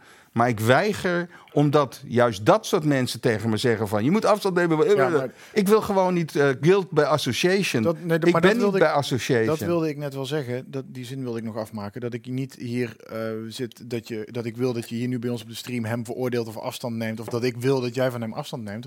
Dat maakt me niet uit. Ik vraag me gewoon meer af dat als jij. Eh, hebt, hebt grotendeels vind ik best wel een goede rationele uitleg. Als ik je blogs lees, dan lees ik een verhaal waarover nagedacht is, waar onderbouwing in zit, waar geen rabiate dingen gezegd worden. Je hebt het niet over Bill Gates en, en, en nanochip vaccins en dat soort onzin. Maar je bent wel ook enigszins geassocieerd met iemand die wel in, ja, maar over, ik ga, over dat randje ik- zit. Ja, En ik, ja, maar dan je, het Ik is ook niet zo moeilijk om dan te zeggen van ja, god, misschien moet ik mezelf iets meer eh, eh, op afstand houden van die. Ja, maar wat is de afstand? Ik heb, ik heb het enige wat ik gedaan heb, is toen gezegd van... Maar die tweet zou je nu dus niet meer plaatsen. Je zou nu niet meer Op zeggen de, dat op, de, op de dingen die hij toen gezegd had, zou ik die tweet wel geplaatst maar hebben. hoe die zich nu Ja, daarna heb ik ook nog één activiteit gedaan eh Ik bedoel rondom niet- ik bedoel- ik en bedoel dus daarna niet te zeggen heb dat ik jij- me, nee, maar wacht even. Daarna heb ik me niet meer actief daarbij betrokken. En wat ik alleen niet ga doen, dat zeg ik ook, omdat met name die mensen die mij sowieso toch niet serieus nemen en me alleen via associatie doen. Om die te zeggen, nou, sorry, sorry, ik neem afstand die. En vervolgens vinden ze wel weer wat anders. Maar goed, Dat, is, dat ben ik het volledig mee Ja, eens. en, nog, Dat- en ik ben het ook mee eens dat Maar- ook Willem Engel, die af en toe dingen zegt waar ik het totaal niet mee eens ben. Of ik zeg, nou, dat moet je niet doen. Die Dennis inderdaad een knuffel wilde ja, geven, moet hij ook ook niet doen. En maar, punt maken. Geweldoproep, suggesties tegen Ja, nee, Rutte, dat et cetera. Dat is moet je niet echt- doen, maar je moet ook, eh, ook dat soort mafklappers, het is, ik vind het een mafklapper, mo- moet je wel op bepaalde punten ook gehoord eh, laten horen. Hij Anders mag wordt voor het mij- ook weer Hij gevaarlijk. mag voor mij zeggen wat hij wil. Het is, wel, het is alleen wel zo dat als je zelf probeert om een serieus verhaal, onderbouwd verhaal, wetenschappelijk verhaal neer te leggen. En, en je gaat ook tegelijkertijd zo'n man endorsen. Dan snap ik ook wel een beetje dat er mensen. Jawel, maar Ja, maar die de hond die is, die is met die engel aan het dansen. En die engel Ja, oké, maar dan... En ik weet dat guilt by association niet, eh, eh, vaak niet legitiem is of een beetje, beetje sneu is om te doen. En ik weet ook dat als jij nu zou zeggen, ik wil niks met die engel te maken hebben en ik neem afstand van wat ik over hem gezegd heb, dat jouw trollen inderdaad wel weer een ander ding zullen vinden waarop jij fout bent. Of waarom je, beginnen ze weer over die iPad-scholen, weet ik veel. Maar, of over de Deventer moordzaak. Maar... eh, Waar ik gelijk je wil- had trouwens. Ja. ander onderwerp, weet ik niks van, gaan we het niet over hebben. Weet je niet. Maar eh, nou ben ik mijn eigen verhaal kwijt. Mooi. Verdomme. Waarom zit je, laat ik het uh, constructiever formuleren. Waarom zit je niet in het red team? Met, met eh red team, Nou, met, met dat- Slachter. ja, kan ik ook uitleggen. Ja. De eerste plaats ben ik niet gevraagd. Waarom ben je niet gevraagd? Ja, dan moet je niet aan mij vragen. Ik ga Bert Slachter. En tweede plaats, ik, zij zeggen een aantal dingen waar ik ook niet achter sta. Ik heb, ik heb goede contacten met Bert Slachter en, enzovoort. Misschien heel even, het Red Team is een, eh, een soort tegenhanger van het eh, eh, Outbreak Management Team, Ja, toch? red team zijn mensen die, eh, dat zijn wat virologen, eh, of nee, eh, statistici ook. En ja, mensen die, die cijfermatig eh, en wetenschappelijk goed onderlegd zijn in diverse vakgebieden. En die eh, medische achtergrond hebben of een, of een universitaire achtergrond. En die eh, zijn dus, hebben, ze, hebben zich geformuleerd als een soort of geformeerd als een soort constructieve tegendenkers. En er zit onder andere die Bert Slachter in, Ja. die regelmatig op tv Wim ziet en die- Schellekens. en die, eh, Ja. die wat, ook wat statistische onderbouwing of statistische Mm, reflectie geven op het verloop van de aantallen, getallen, op et cetera. Eh, Maar ga verder, vertel. waarom zit je daar niet bij? Nou, in de eerste plaats Omdat je niet niet gevraagd bent? ben, maar... eh, en ik heb best goede contacten hoor. Bert Slachter heb ik regelmatig mail en wisselen we informatie uit en zo. Maar een deel van hun benadering eh, is in mijn ogen wereldvreemd. En dat is een beetje het probleem. Wat een beetje. En Be- Bert die zegt eigenlijk. Als we nu keihard ingrijpen. ehm, hè, en bijna naar nul reduceren. ehm, dat is een veel beter beleid dan het geleidelijk te doen. Mhm. Hè, dus, eh, en, want daarna, als je het geleidelijk doet en het loopt mis, dan is de schade veel hoger.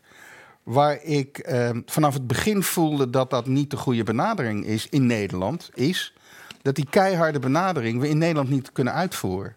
Als je ziet, eh, Nederland heeft 25 verschillende GGD's, die allemaal onder eh, bepaalde gemeenten zitten. Hardwerkende mensen, maar als je ziet hoe de cijfers alleen al binnenkomen vanuit die GGD, die elke dag krijg je oude cijfers terug enzovoorts.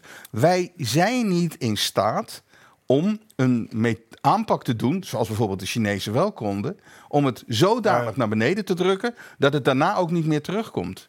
En, en dan vind ik hem eh, in zijn benadering, maar die discussie kunnen we ook met elkaar hebben hoor. Dus vind ik het te theoretisch. Waarbij je zegt, nou, als we nu hard slaan, hard genoeg slaan, dan. Ja, we zitten met. eh, moeten we dan alle grenzen dicht doen? Eh, eh, Ja, ja. En wij zijn niet in staat om een beleid te voeren. China Dus, heeft een, een, eh, even plat gezegd, totalitair regime. Dat, eh, waarbinnen ze enerzijds kunnen zeggen, we gaan nu hier dit stukje grond vrijmaken en binnen drie weken ziekenhuis bouwen, of nog sneller volgens mij. En tegelijkertijd tegen mensen kunnen zeggen, jij mag niks meer. Ja, En dan, en dan is- wordt er geluisterd. is- en dan wordt er gehandhaafd ook. Dus dan, Net Duitsers. en in Nederland is het inderdaad gewoon tweaken en draaien aan allemaal kleine ja, maar en dan, dus, dan, dus dan ben je een beleid aan het voorstellen. Wat, wat misschien theoretisch klinkt, ja. Maar, in, maar wel veel schade ook weer berokkent. Maar het niet uitvoerbaar is binnen de Nederlandse randvoorwaarden. En daarom ben ik niet voor dat beleid. Ik ben veel meer voor de Zweedse aanpak. En dus de boel openlaten. Nou ja, f- En ze- ouderen eh buiten Ja, maar houden wat, en alles. wat het risico is, is zijn gewoon ouderen. Jongeren, ja, die worden a- amper dus er, erg ziek van. Ja, en dan komen ze altijd al op tv weer met een voorbeeld. En dat zijn verschrikkelijke voorbeelden. Ja. Maar het zijn kleine aantallen. En Ik jongeren bedoel, kunnen toch oudere mensen Hm? Jongeren die zelf naar de kroeg gaan, kunnen dan vervolgens bij oma binnen. dus moet je ouderen beschermen en niet zeggen van dat het leven van iedereen moet stoppen Oké, maar om die- die ouderen te beschermen. En hoe oud ben je zelf inmiddels? Ik ben 73, Oké. Oh, morgen, Bijna, volgende volgende week. Volgende, ja. Maar eh, nee, maar dat is een keuze. Kijk, we, we doen nog een keuze. We hebben in Nederland ruim 600 doden in het verkeer. Al, en als we op de snelweg niet 100 kilometer gingen rijden, maar 30 kilometer per uur, dan neemt het aantal doden met 200 af. ja. Gaan we dat doen? Nee. Waarom doen we dat niet? Omdat we eigenlijk zeggen, nou 30 kilometer rijden per uur, dat vinden we te laag. Dus we accepteren indirect het meerdere aantal doden. Nou, het is... Maar dan tuurlijk, probeer je dat op een andere manier te verhelpen. ja, maar, maar wat, dat, wat ik zeg is, we zouden maximaal ons moeten inspannen, en veel meer misschien nog dan dat, om mensen die kwetsbaar zijn of zich kwetsbaar voelen te beschermen en daar acties voor te ondernemen. Alleen wat we nu aan het doen zijn, wat we gedaan hebben en aan het doen zijn nu, ook mede door de angstknop weer in te drukken, zijn we de economie, de samenleving, de volksgezondheid zoveel schade aan het berokkenen, dat weegt ja, niet op tegen de winst die we even. Omdat er op die angstknop gedrukt is, eh, zijn dan, is het niet een klein deel van de mensen. Het zijn niet alleen maar de, de echte ouderen en de, en de kwetsbaren. Dus de, de mensen die al onderliggend lijden hebben, die zich graag af willen zonderen of afgezonderd willen worden. Het is een heel groot deel van de samenleving dat angstig is. Ook gezonde mensen, jonge mensen, actieve mensen, fitte Ja, omdat mensen, ze niet... de- die bang zijn voor andere jonge, actieve, fitte mensen. Dus dat het, Ja, maar omdat ze niet het reële beeld krijgen. Want Nee, maar wat hoe nu, draai je nu aan de gang om? is... eh, ehm, het overgrote deel, of bijna iedereen... van, nou, ik denk 90, nee, 95, nee, 98 procent... van de mensen die onder de 40... die positief worden getest, hebben amper symptomen. Dus dan, en het wordt wel, ja, patiënten en positief, dan kunnen we over testen ook nog een heel verhaal over, maar dat is even niet relevant. Dus mensen die positief getest worden, jonger, hebben bijna tot geen symptomen. Dat- En, het, en de vraag is gewoon, ja, het is verschrikkelijk dat die ziekte er is, had ik ook niet willen hebben al hier in, in het, eh, bij ons. Maar ik denk dat we hem als samenleving moeten handelen en niet een soort harikiri plegen. Want de consequenties, ik, mensen hebben geen idee van wat de consequenties echt gaan worden. Want waar ik heel, me erg, heel erg zorgen om maak, is niet zozeer alleen over de economie. Want die zal wereldwijd eh, een gigantische klap krijgen. Veel meer dan we nu nog denken. Ja. Want al die landen, eh, normaal heb je in één gebied en andere landen niet. eh, Al die landen. Maar al die samenlevingen zijn gedestabiliseerd. Eh, in Spanje gedestabiliseerd. Ik bedoel, waar je komt gedestabiliseerd. En wat gebeurt er vervolgens? Ook historisch weten we dat. Dat als dingen destabiliseren, de relaties tussen landen ook eh, aangetast wordt. Dus alle evenwicht Kijk. die we wereldwijd hadden, daar zijn we nu volledig uit balans geraakt. En waar ik echt erg eh, eh, ja, bang voor ben, is dat we de komende twee, drie jaar die disbalans die we gekregen hebben in sociale onrust, maar ook in oorlog uitmondt. Je, ja, je ziet, eh, je ziet binnen de Verenigde Staten zie je dat een toch al gespannen samenleving, mede door corona, er was maar één, één George Floyd nodig als, als een soort van eh, de laatste stukje van de lont om, eh, om, om die, die spanning eruit te laten komen. Dat had toch volgens mij ook iets te maken met de coronavrees en angst en adrenaline die een uitweg zoeken. En je ziet het binnen Europa, waarin, wij, eh, waarin de EU een, eh, een, een miljardenpakket van tientallen, honderden miljarden samenstelt als coronamaatregelen, terwijl het geld gaat helemaal niet naar coronagebieden. Wij moeten voor de Italianen betalen ja. en zo. Dus dat levert extra spanning en chagrijn op. Dus ik, met andere woorden, Maar- ben het... Maar, maar, maar wel, je moet wel bedenken, in relatie voor wat? Want bijvoorbeeld het RIVM zegt dat ongeveer eh, nu het aantal besmettelijke net de helft zijn van maart. Terwijl als je echt naar de cijfers kijkt en het goed analyseert, is het nu ongeveer een tiende van maart. Er wordt meer getest, dus er komen meer gevallen. Nee, er zijn allerlei dingen. Dan moet je maar op mijn website heb ik het helemaal uitgelegd. Het is voer te ver. Maurice.nl. Maurice.nl. Maar dat voert te ver. Maar met, met getallen wordt ontzettend eh gehannest. Maar altijd weer op een dusdanige manier dat het veel angstiger wordt geschetst dan het is. Bijvoorbeeld vorige week werd er ineens geroepen 38 overlijdensgevallen. Mag ik even die nog afmaken? 38 overlijdensgevallen. Nou, en het journaal 38 overlijdens. Nou wist ik per, hoeveel mensen er ongeveer in het ziekenhuis waren opgenomen. De kans dat er in één dag 38 mensen overleden, ja, dat, dan is er een busongeluk geweest ergens. Nou, vervolgens ga je dan verder kijken. En wat doet nu eigenlijk het RIVM sinds het begin? Die maakt bekend hoeveel er bij hen gemeld zijn gisteren. Maar wanneer dat gebeurd is. Ja, ja. En toen Ja, bleek ja. al Dat bleek, 21 ja. van die 38, die kwamen uit april. periode, ja. Ik wil heel even, Maurice. Ja, maar, nee, maar nee, dat, is, dat, dat vind ik een hele goeie. Ja, Dat- maar dat- ik wil ook af en toe even wat zeggen, Bart. ja, zeg, daar ben je niet Ja, van maar, nee, maar aan. je slaat een paar stunten over. Dus, en, eh, wat wou je zeggen? Even kort. Nou ja, dat, dat dus eh argwaan voedt, dat soort dingen. Omdat er dus een getal gecommuniceerd wordt. En dat die, die duiding bij dat getal komt iets later. Ja. Maar dan is het kwaad eigenlijk al geschied. Want mensen zijn eerst heel erg geschrokken van... oh, er zijn er ineens zo 38 dood. En dan komt die nuance van... ja, nee, dat is meegeteld nog uit april. En dan denk je, ja... Ja, maar nee, nee maar, het is, maar sorry, maar dat is veel erger dan dat. Want ik noteer al sinds maart, in mei dat dit het geval is. Dat ze niet de actuele cijfers brengen, maar de gemelde cijfers. Dat ze hun databases in orde willen hebben, prima. Maar meld dan alleen eh, de mensen wa- waarvan je zegt, nou, de- die de laatste week zijn overleden, die je nu hoort. En wat er gebeurt, consequent veranderen ze dat niet. Maar voor- en dat voor de- vind ik ergerlijk. Voor de record, jij, je denkt niet dat ze dat expres doen, toch? Dat als in dat Rutte of Van Dissel expres met die cijfers een beetje zo goochelt om ons. Nou, ehm, ik wil dat nuanceren. Ik heb voor een aantal cijfers, zoals met name die grafiek, eh, waar nu zou blijken dat meer dan 50% onze besmetting is van maart. Daar heb ik al een paar keer aan, uit laten zien wat ze daar fout doen bij die berekening. Nou, eh, en die berekening blijft maar gegeven worden. Dan denk ik, ja, ergens. Ik bedoel, ze zullen het toch ook wel een keer lezen. Dus als je het dan nog steeds doet, dan is het niet vanuit eh onnozelheid. Ja, je kan altijd Nee, een fout maken. Het- het- Dus, en, en wat ik wel merk steeds, dat ehm, men eh, blij is, maar nou moet ik misschien het woord blij niet zeggen, maar met graagte de dingen vermeldt die eigenlijk eh, zwaar overdreven zijn. Dus bijvoorbeeld gezegd, nou, dankzij onze acties hebben we 32.000 opnames op de IC voorkomen. Nou, echt totale onzin.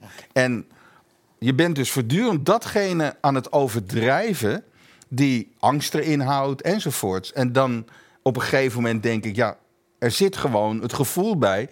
Als ik het maar zo zwaar mogelijk aanzet, dan gaan die mensen zich wel gedragen zoals ik wil. Oké, goed. Maurice, ik wil heel even, want mijn lieve sidekick heeft een paar stappen genomen, eh, een paar stappen overgeslagen. En, en ik wil even Dan terug. kom, naar kom je wat- volledig in verwarring. Maakt niet uit, ik ben niet in, in verwarring. Maar de beste Ja. man is af en toe amper te stoppen. Maar goed, hij betaalt de hele donderse boel. Dus dat mag ook. Ehm, maar want ik zit even terug nog op het instartje wat we net hadden. Van Geert Wilders. En we hebben net weer een paar aantal punten genoemd. Waarvan we eigenlijk kunnen zeggen, je had gelijk. En dat punt. De vraag was eigenlijk, hoe hou je dit nog vol, continu? Niet bij dat OMT zitten. Je, je wordt niet gevraagd, komt daar eens wat vertellen, weet je. Eh, Voel je je dan nog serieus genomen? Heb je het gevoel dat wat je meldt, dat dat ook een bijdrage levert, dat dat ook landt een beetje in Den Haag? Hoe hou je dat vol? Nou, ik, kan, ik kan heel makkelijk uitleggen waar ik het volhoud. Ik krijg zoveel mails van mensen die me bedanken. Die blij zijn met wat ik doe. Die zeggen dat ja, ze nu veel rustiger leven. Ik heb gewoon mensen die gezegd hebben... je hebt mijn leven gered, want ik wilde zelfmoord plegen. En doordat de dingen die ik jou gelezen heb... geven mij weer veilig. En, en ik overdrijf niet, hoor. Nee? Ik word op straat echt letterlijk aangesproken door mensen... die me bedanken en zeggen... dankzij jou kan ik, kan ik deze fase doorkomen. Maar, en dan zeg ik... ehm, Dus blijkbaar, die heb ik niet gezocht, die rol. Maar die rol heb ik dus blijkbaar op dit moment. Vervolgens heb ik ook nog, ja, door de financiële steun die veel, veel mensen geven, die de site bezoeken en gewoon geld doneren. Kun je er ook van leven? Nee, dat, Nee, is niet voor mij, maar voor de Ja? website. Denk ik van, eh, ja, het is het, blijkbaar speel je daarmee zo'n belangrijke rol. Dat ik mijn voldoening niet haal uit het feit dat, eh, dat eh, Rutte of de jongen zegt: geweldig, Maurice, dat je altijd gelijk had of wat dan ook. Nee, ik, ik, ik speel blijkbaar een hele belangrijke rol voor nogal wat mensen. En dat zo'n belangrijke rol heb ik nog nooit in mijn leven gespeeld voor mensen. Dus dit is een hele belangrijke periode in jouw leven op dit moment. Ja, ik Je, denk. je bent van toegevoegde Nou waarde, ja, dat is zeker. fijn. Nou, we, maken, we maken wel natuurlijk de grootste crisis uit door van na de Tweede Wereldoorlog. Ja, Die maken ja, we nu maar- mee. Nog komen waarschijnlijk, financieel. Maar Ja, daarna, daarop de voortbedurend. Is er ook, eh, is er überhaupt wel eens contact geweest vanuit jou met een Van Dissel of wat dan ook? I- Hebben ze nooit ook maar één bel? Ja, er is één keer geweest. Eén keer is een initiatief geweest waarvan gezegd is... ehm, er was wat druk blijkbaar vanuit de politiek... dat het RVM met mij zou moeten praten. En er is een één uur overleg geweest via Zoom... met eh, drie mensen van het eh, RIVM. Namelijk professor Vos met twee S'en, professor Vos met één S. en ik zei, goh, je hebt de hond, je zet er meteen twee Vossen tegenover. en Aura Thieme. En ik had een stuk gemaakt om uit te leggen van... eh, van wat, eh, waarom ik dacht dat aerosolen zo belangrijk waren. En ik vroeg, ge- geef jullie nu een stuk, want het is gewoon echt niet, kon ik niet vinden. Wat is nou de harde onderbouwing van die anderhalve meter enzovoort? Ik zei, ik, wil- ik wil dat graag. Hè. Nou, eh, nee, we, hebben over mijn stuk gesproken, maar het was toch een beetje langs elkaar heen praten. Had je het gevoel dat het een beetje verplichting was van ze? Van nou, laten we maar even een uurtje met Maar ik heb het daarna verder. Nee. Ja, het, bedoel, professor Vos heb ik een goed persoonlijk contact mee. Is een ontzettend aardige man, André. Ja, aardige mensen kunnen graag met Ja, nee, maar ook, en ik probeer het ook altijd op het niveau te houden van... Het, je hebt een zakelijk verschil en persoonlijk Mhm, ja, niet. tuurlijk. Maar ehm, ja, over aerosolen en over ventilatie... eh, ja, nog steeds als je hen hoort... Terwijl gewoon als je echt... En ik heb veel contacten ook met wetenschappers in Amerika. En gelukkig in Amerika wordt dat nu ook steeds meer erkend. En Duitsland helemaal. Ja, aerosolen spelen een veel Ja. belangrijke rol dan die druppels. En heb zijn er dingen van de afgelopen zeven maanden die je uit die onderzoeken hebt gehaald, waarvan je achteraf zegt, daar zat ik naast? Nou ja, in het begin dacht ik eh, dat je buiten ook besmet zou kunnen worden. Maar nu mogen we knuffelen zelfs van je buiten. Ja, nou, ik heb ook gezegd waarom eh, knuffelen zou kunnen, maar ik ga geen instructies geven. Haaks op? Nee. Nee, maar kijk, wat, eh, wat is binnen die regio van 1,5 meter, wat is wel het risico? Alleen, dat is vooral een risico als je elkaar gezicht kijkt. Ook dat blijkt uit, uit wetenschappelijke studies. Ook als je praat naar elkaar, eh, praat, dan komen ook aerosolen uit. Nou, aerosolen vervliegen in een ruimte die besloten is en kan jij dus in gaan ademen. Maar als jij zo en zo een tijd face-to-face tegen elkaar praat, dan, kan, dan, kunnen er, dan kun, kan het een tijd lang aerosolen zo zijn dat jij ze inademt of ik ze inadem van de ander. Dus wat het risico is als je bijvoorbeeld binnen 1 tot 1 meter, dat hebben ze berekend. Bijvoorbeeld de druppel binnen 1 meter, die gaat zo. Dan moet je echt op de grond gaan liggen met je mond open om hem binnen te Er krijgen. zijn mensen die daarvan houden. Ja, Eh, zeggen, maar gang Is ook grappig trouwens. Ze hebben onderzoek gedaan dat langere mensen eh, gemiddeld meer besmet werden dan korter. Hartelijk dank. Meer besmet werden. Ja, 1,90 ook door aerosolen. En Dat die dingen die stijgen dus in ja, dus blijkbaar, dat was ook grappig. Ik weet ook, het was echt een behoorlijke serieuze studie. Maar, ehm, eh, dus als jij dicht tegenover elkaar staat en met elkaar praat een tijd, dan is dat risicovol. Maar ik werd benaderd door mensen die zeiden: ja, ik, ik heb echt nodig dat ik met mijn, mijn moeder moet knuffelen, maar dat kan ik niet. En dat doen, we zijn angstig allebei. Nou, dan vind ik, dat heb ik ook aan die mensen geschreven. Als jij gewoon A, buiten gaat staan en knuffelt, maar wel de gezichten langs elkaar heen. En dan denk ik dat dat voor jou beter is dan twee maanden lang of drie maanden lang In de stress zitten. In de stress zitten. Ja, dat- En wat het mooie was, een dag later kreeg ik een foto Oh. dat, die dat zij met haar moeder knuffelde. Nou. en dan denk ik, ja, jongens. Op een goede manier? Ja, op de goede manier. Althans, op de manier waarvan ik denk dat dat een veilige manier is. En, da- en, en dat we worden een beetje behandeld alsof we dom zijn met elkaar. Als dit soort dingen uitgelegd wordt op een goede manier, betekent toch niet dat we er allemaal misbruik van aan. Ik zeg ook niet ga ehm, op, op met elkaar kussen of tongzoenen Nee, enzovoort. niet tongen vanaf. Nee. Dus, eh, dit keer niet. Terwijl, maar goed, dat is, eh, schat maar even. Ik een klein momentje even eh, tot onze kijkers Ja, richten. Want ook hier moet geld verdiend worden, mensen. Want deze prachtige show die zo gelikt eruit ziet, moet ook betaald worden. Vooral ik. En daarom staat er een krijg virtuele geen geld. Voor, nee, je krijgt een Ja, glas ijsthee en zometeen krijg je een t-shirt, Maries. Nou, daar ben je blij om. Hè? Echt, eh, dus er staat een donatieknop, mensen. En geeft u gul, zodat we nog meer chips, nootjes en bier kunnen inslaan. En gasten. Dankjewel. Volgende vraag. Want Jij denkt, je hoort verhalen over de crashende economie. Je denkt, ik moet snel Ja, even wat harder- nog, eh, ik moet de huur betalen, Bart. We hebben ook een buitenparlementair onderzoekscommissie 2020. En jij zou op 11 oktober eh, gehoord worden door meester Frank Stademan. Ik heb daar ook twee plaatjes van, als het goed is. En ineens viel mij op dat ze jou niet meer gaan horen. Daarboven een oud bericht en daaronder een relatief nieuw bericht. Je bent er ineens af. Kan je niet? Willen ze Nee, je niks ik- meer vragen? Wat is Nou, dit? ik, wat ik gezegd had, ik bedoel, ik had eerst het idee gehoord, maar verder niet de details. En toen heb ik ze gezegd, luister, ik wil, eh, ik wil eerst zien met welke andere getuigen je komt. En als dat een rij is waar ik graag tussen wil staan, dan doe ik dat. Maar ik ga niet als eerste of tweede, omdat ik dan ehm, ook niet weet wat er precies gebeurt. En wat ik ook wil voorkomen, is dat ik weer te veel eh, handvaten geef aan iedereen die mij eh, wil afschrijven. Niet op mijn inhoud, maar op wat dan ook ik doe. Of wat ik in het verleden gedaan heb, tot en met eh, de verkeerde verkiezingsuitslag in 1986. Ja, Weet je maar dat, dat kon ook echt niet. ja, dat kon ook niet. 86, toen was ik 12. Ja, die, maar weet je, dat alles komt langs. En waarom? Omdat ze niet op de inhoud hoeven in te gaan. Want, en het leuke is, daar heeft iemand me gezegd in een vrij vroeg stadium al, dat vond ik ook leuk.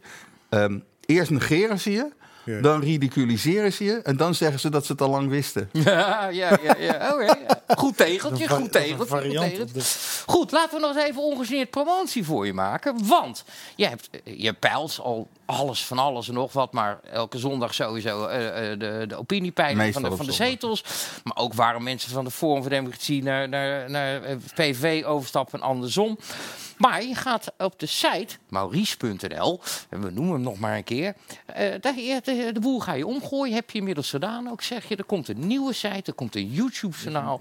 En er zit een redactie bij. En dat moet een soort kenniscentrum worden over COVID-19, over corona. Kun je me eens uitvertellen wat de plannen zijn? Nou, we zijn er al mee begonnen, maar eh, opgeschaald. Nou, in de eerste plaats is mijn blog. Mhm. Alleen wat hadden we daar op mijn oude site? Ja, die oude site was helemaal niet gericht op eh, blogs die door honderdduizend mensen bekeken waren. Dus die site kon het Rokende servers. Een rokende Ja, servers. Dus, en de structuur was ook niet goed. Eh, plus dat eh, alles wat binnenkwam, moest ik ook nog. Ik ging het zelf modereren. Ik kreeg zelf de dingen binnen enzovoort. Ja, want ja, er was ook niemand anders. Ik bedoel, Mhm. het was echt letterlijk een one-man band. En iemand die mijn Nederlands nakeek, omdat dat ook wel echt nodig is bij Ja. mij. Ja, ik ben gewoon, in mijn taal maak ik wel wat eh, foutjes, fouten.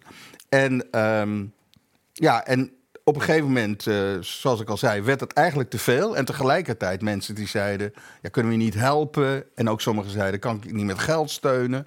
Eh, en toen dacht ik, ja, dus of ik kan het niet meer doen, want het wordt, het groeit me over het hoofd. Of ik probeer het verder te professionaliseren. Maar in het verlengde van waar ik zit. Hè? Dus mijn blog is de kern. En dat wat ik laat zien aan informatie, dat zit een beetje eh, in het gebied eh, waar ik mij met mijn blogs ook bege- begeef. En we hebben dus drie onderdelen op onze website. Mijn blog, wat ik in principe elke dag eentje schrijf. Dan hebben we iets wat ik uitkijktoren noem. Eh, daar, als we interessante dingen in de wereld zetten, zetten we het daarop. Maar we vragen ook gastblogs. Als mensen een interessant gastblog hebben, dan plaatsen we het daar. En ik heb ook gemaakt een bibliotheek waar je de wetenschappelijke studies ziet, waar, waar ik, die ik belangrijk vind eh, bij de opbouw van mijn eh, theorie. Allemaal gericht op corona. Allemaal op dit, op dit onderwerp. Daarnaast hebben we Frequently Asked Questions hebben gemaakt. En via Discuss, dat is een bepaalde moderator-programma, zit daar ook onder. Nou, en, ik, en ja, er zijn ook mensen die, behalve ik, maar ook een, een aantal mensen die het modereren. En, Wie zijn dat mensen die we kennen? Zijn dat Nee, nee, journalisten? nee, nee, nee, nee. Ik heb, eh, ik heb eh, dankzij het geld wat er is, heb ik het ook eh, eh, voor een deel kunnen betalen. En er zijn ook mensen vrijwilligers. Maar de, de personen die dat doen, die zijn niet echt bekend. Maar ook, worden er ook dingen gecheckt die je plaatst door anderen? Zeggen van, nou, ik ga eens even kijken of wat je schrijft wel klopt. Ja, dat gebeurt ook. Maar ik krijg ook. eh, kijk, wat ik ontzettend krij- veel krijg. En waarschijnlijk hebben jullie datzelfde ervaring ook. En dat had ik ook al toen in 2005, 6 bij die Deventer moordzaak. Wat er gebeurt als jij op bepaalde manieren eh, je naar buiten manifesteert, dan krijg jij mails. Eh, ook hele zotte mails. Maar je krijgt ook mails van deskundigen op een ander terrein. Maar die ervaringen hebben, die zijn, god, die zijn best misschien relevant. Bijvoorbeeld, en dan heb, heb ik echt ontzettend veel van dit soort dingen. Dus iemand luistert, ik ben stallenbouwer. Dat doe ik al 30 jaar. Een van de dingen van de probleem bij stallen is dat dieren nogal gauw ziek worden. En wat we op een gegeven moment hebben gedaan, we zeiden van, goh, wat zouden we nou kunnen doen? En we hebben toen stallen gebouwd met één wand open te laten, zodat daar voortdurend frisse lucht was. Ja. Vanaf dat moment werden ze niet meer ziek. Nou, ik kreeg een bijna tegelijkertijd vergelijkbaar iets van, eh, van iemand die rozen kweekte, die vergelijkbare verhalen had. Maar ik krijg ook mensen achter de schermen om- in een laboratorium die zeggen van wij doen onderzoeken. En weet je, alles wat je over aerosolen zit, hebben wij eh, onderzocht en blijkt waar te zijn. Alleen de publicatie komt niet. Dus ik krijg ook klokkenluiders die met dingen komen. Dus je krijgt ontzettend veel deskundigen van specifieke terreinen. Die, die met ontzettend relevante informatie. Ja, en dan komt dus het belangrijke punt. Dat mensen die die informatie bij jou aanleveren, dat moet dus ook gecheckt worden. Ja. En eh, daar heb je nu de mensen voor. Ja, daar heb ik ook mensen voor. En eh, ja, je kan mensen laat ik zelf ook checken. Eh, ik ga natuurlijk niet eh, van klokkenluiders informatie brengen als ik niet zeker weet dat dat waar is. Maar wat we bijvoorbeeld wel doen. Eh, bijvoorbeeld op een gegeven moment was er in de pers, dat is ook heel interessant, 14 jongens op een terras in Dokkum eh, zijn besmet. Dat was eh, groot in, het, in de kranten, stond in vele kranten. Nou, dat zou wereldnieuws zijn, want dat soort dingen zijn nog niet grootschalig aangetoond. Nou, en dan, wat gebeurde er? Dan krijg ik van vier kanten van mensen die dat hebben gelezen, maar ook in verschillende kranten. En die zeggen, goh, daar staat dit, daar staat dat. Klopt dat nou wel? En vervolgens kreeg ik een, een, een journalist van een st- streekblad, vanuit een plaatsje in Drenthe. Die is er gewoon echt achterheen gegaan. En die is gaan praten met de GGD in Friesland. Want die zei, kijk maar, je kan ook buiten besmet worden, enzovoort. En die is aan die man gevraagd van... Nou, die heeft ook contact gehad met mensen van die groep. Die zeiden, we zijn daarvoor, hebben een feestje gehad... en daarna zijn we naar binnen geweest. En dan vroeg ik van, hoe weet u nou dat dat zeker buiten is gebeurd? Want hij zei, ja, ze waren buiten, maar ze waren ook binnen. Maar buiten hielden ze de anderhalve meter niet, dus het moet buiten gebeurd zijn. Ja, ja, ja, ja, ja. en dat ja, stond ja. dus groot in de Ja, Telegraaf ja. en in de Volkskrant. Maar dat is als je gaat zeggen inderdaad dat anderhalve meter de norm is. Dat zie je natuurlijk al maanden op Twitter. Dat een gegeven moment toen de eerste mooie voorjaarsdagen kwamen, dat mensen naar het strand gingen. En dat je dan van die foto's zag die op, op ooghoogte genomen waren. Van kijk, ze lopen te dicht bij elkaar. en dan zie je een foto vanaf een, een, een webcam die wat hoger hangt. En dan denk je nou, daar zit wel 50 meter tussen. ja, maar we zijn ook maar nog- ook dat we elkaar aan het opzoeken zijn. Dat, dat mensen, de bange mensen die thuis op internet zitten, zijn aan het kijken naar plaatjes van mensen die wel naar buiten gaan om te kijken wat ze fout doen. Ja, maar weet je hoe dat komt?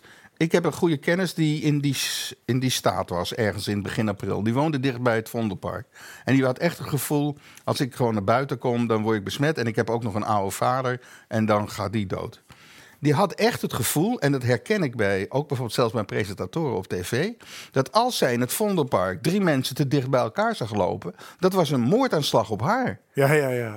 Zo, zo, zichzelf, werd het, ja. zo werd het gevoeld. Dus die, die, die angst en boosheid was terecht, omdat die persoon bracht mij in gevaar. Nou, wat zie je dan bij, op tv? Bij meerdere presentatoren, als je terugziet eh, bij Op1 en ook bij Jinek... dan zag je dat als er mooi weer was... en je zag meer dan twee, drie mensen wat dicht bij elkaar in het Vondelpark... en er zat een bestuurder aan tafel... dat ze bijna de presentatrice of smeekte aan de bestuurder om in te grijpen. Ja, ja. En dat Maar was diezelfde dat angst is, als dat die- is die mij met, Dat is mij met al die persco's van Rutte, eh, zeker die vrijdagpersco's, als dus de pers ook vragen mag stellen na afloop van zijn praatje, dan, dan, dan heb je Rutte die een soort van liberaal verhaal uit van nou jongens, let nou toch een beetje En op. allemaal zeggen En ze zwaarder intrekken. En, ja, en vervolgens vraag ja, maar dit dan en ja, maar dat dan en heeft u dit gezien en heeft u dat gezien? En dit zijn iedere keer zijn het die vervelende, vervelende Ah, parlementaire journalisten. Ja, ik vind die allemaal Ja, maar weet je... Die dan, die dan aan Rutte gaan vragen waarom hij niet... niet- Ja, niet- altijd. oh, dat is zo verschrikkelijk. Ja, maar dat. wat er ook nog gebeuren nog twee andere dingen. Zodra er wat gunstiger nieuws is, wordt het niet gebracht. Dus er is nooit expliciet op tv gezegd dat via voorwerpen je amper besmet kan worden. Dus we hebben een soort collectieve smetvrees gekregen en zo. Dat wordt ook niet gedaan. Maar wat ik ook vind, zodra van, van eh, Dissel wordt geïnterviewd of Marion Koopmans, moet je maar in de kranten kijken. Geen kritische vraag. Nee. Niet over aerosol, laatst ook niet. En dan zei ik van, heb ik een grapje gemaakt van, ik vind dat eh, Erika Terpstra kritischer is bij de Dalai Lama dan, dan, dan dit soort journalisten als, ja. als eh, Van Dissel interviewen. Ja, ja. Ik, moet wel, ik moet nu heel erg denken over die anderhalve meter en zo afstand houden. En op foto's en dat soort dingen. Aan het, onze grote vriend Sander Halve Meter, Sander Schimmelpenning, die had op een gegeven moment het programma Dragons Den. Heel leuk programma en dat deed hij ook echt niet slecht, moet ik zeggen. Maar die gozer is natuurlijk, ja, die- die kan in Madurodam, weet je. Die, dat is, en die, die, maar die hebben ze dan zo ver vooraan gezet, omdat hij natuurlijk een beetje op gelijk hoogte, dat je echt in de achterste verder staat, die Dragons ergens en dan staat, nou, dat vond ik dan weer grappig. Maar goed, Ja, maar weet je wat, wat ook nog grappig is? Ik was in de zomer in Italië. Italië doen ze één meter. Ja, Ja, in en Amerika, in, in Amerika twee. is het... Nee, six. Nee, ja, Engeland six, twee. six Feet In Society. Nee, in. Engeland, in Engeland twee. In Engeland weer twee. En in Amerika Nee. is het Six Feet Society, dus daar is het 1,80 meter. Dus Ja. weer een ander. Het is Maar- het net lekker meten, anderhalve meter, dat bekt lekker. Six Ja, Feet Society ook. Het is, Anderhalve het is meter. allemaal, ja, het is anderhalve meter afstand. Hey, even een vraagje over die vaccins. Hè? Want je hoort nu Rusland. Er zit een vaccin aan te komen. Je hoort hier deel voor een vaccin ergens in Eh, Nederland. totalitaire landen zijn hun burgers al aan het inspuiten. Ja, dat is eh, wat het eh, China en Rusland. Eh, eh, Trump gebruikt hem als een verkiezingsstunt. Hè? Voor de verkiezingen komt hij eraan. Kun je, kun je daar wat over zeggen? Heb je daar al nog Nou, iets? kijk, Of ik- moet je een keer terugkomen? Nee, wat, er zijn twee dingen. Ik, op het moment dat er een echt een vaccin zou zijn, zijn er twee dingen belangrijk. Wat is eigenlijk de status op dat moment van het virus? Het, er lijkt een beweging te zijn. Er zeggen mensen, kijk, de, de, de, de- jury is still out. Maar er zijn een paar mogelijke theorieën. De eerste theorie is, ehm, hij zwakt af. Omdat het eigenlijk ook het belang is van het virus. Want hoe meer mensen die doodziek maakt, hoe minder nieuwe mensen hij kan besmetten. Dus, dus er zou een, een natuurlijk proces zijn waar die, die Zoals, zwakker wordt. zoals SARS doet. Ja, SARS is echt verdwenen vrij na een jaar. Maar, of althans, SARS deed. ook daar. Nou, dat kan zijn. Ehm, dus, eh, nou ja, je ziet de, de Zweedse situatie. Heel opmerkelijk is nog steeds dat nu de cijfers in Zweden laag zijn. Die beginnen ook wel iets te stijgen.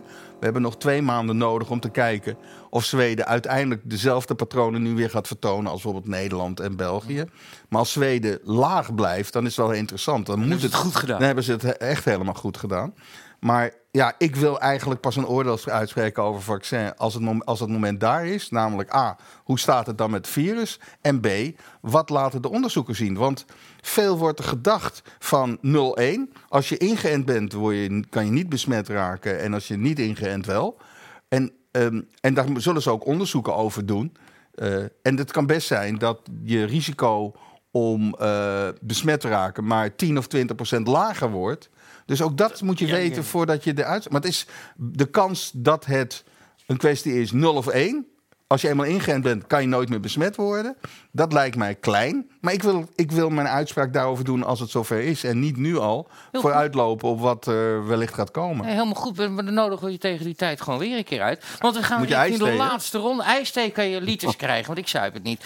Echt, ehm, eh, maar het is tijd voor de laatste ronde. over de zuipen, laatste over zuipen ronde. gesproken, we zijn al 20 minuten in overtreding. Nee, nee, nee, nee. In deze kroeg eh, geldt dat niet. Oh ja, Wij we zijn hebben ook- hebben ook geen Wij hebben de ook geen- op Schiphol mogen na tien we overblijven. hebben, ook we hebben ook helemaal geen tapvergunning. Nee, We- precies. We, kunnen Ik ook niks ik, we- we- we- ik kon niet eens ont- ontheffing aanvragen. Dus het zit helemaal goed. Er is nog niemand binnengekomen. De buren zeuren niet, want het raam staat open, mensen, voor de nodige ventilatie. Dat had de heer eh, eh, de hond gevraagd. Dat is ook goed. Maar de laatste ronde, beste Maries, dat zijn de reaguurdersvragen. Eh dus eh, eh, daar komen ze. Ben je er klaar voor? Ja hoor. Komt hij aan. De eerste is van sprietatoom, waarvan ik nog steeds niet weet waar de klemtoon moet liggen. Ehm, Sprietatoom. eh, hoe? Sprietatoom. Een sprietatoom. Tuurlijk. Wat dat is, weet ik ook niet. Maurice, hoe zit het met de ventilatie in bussen en trams?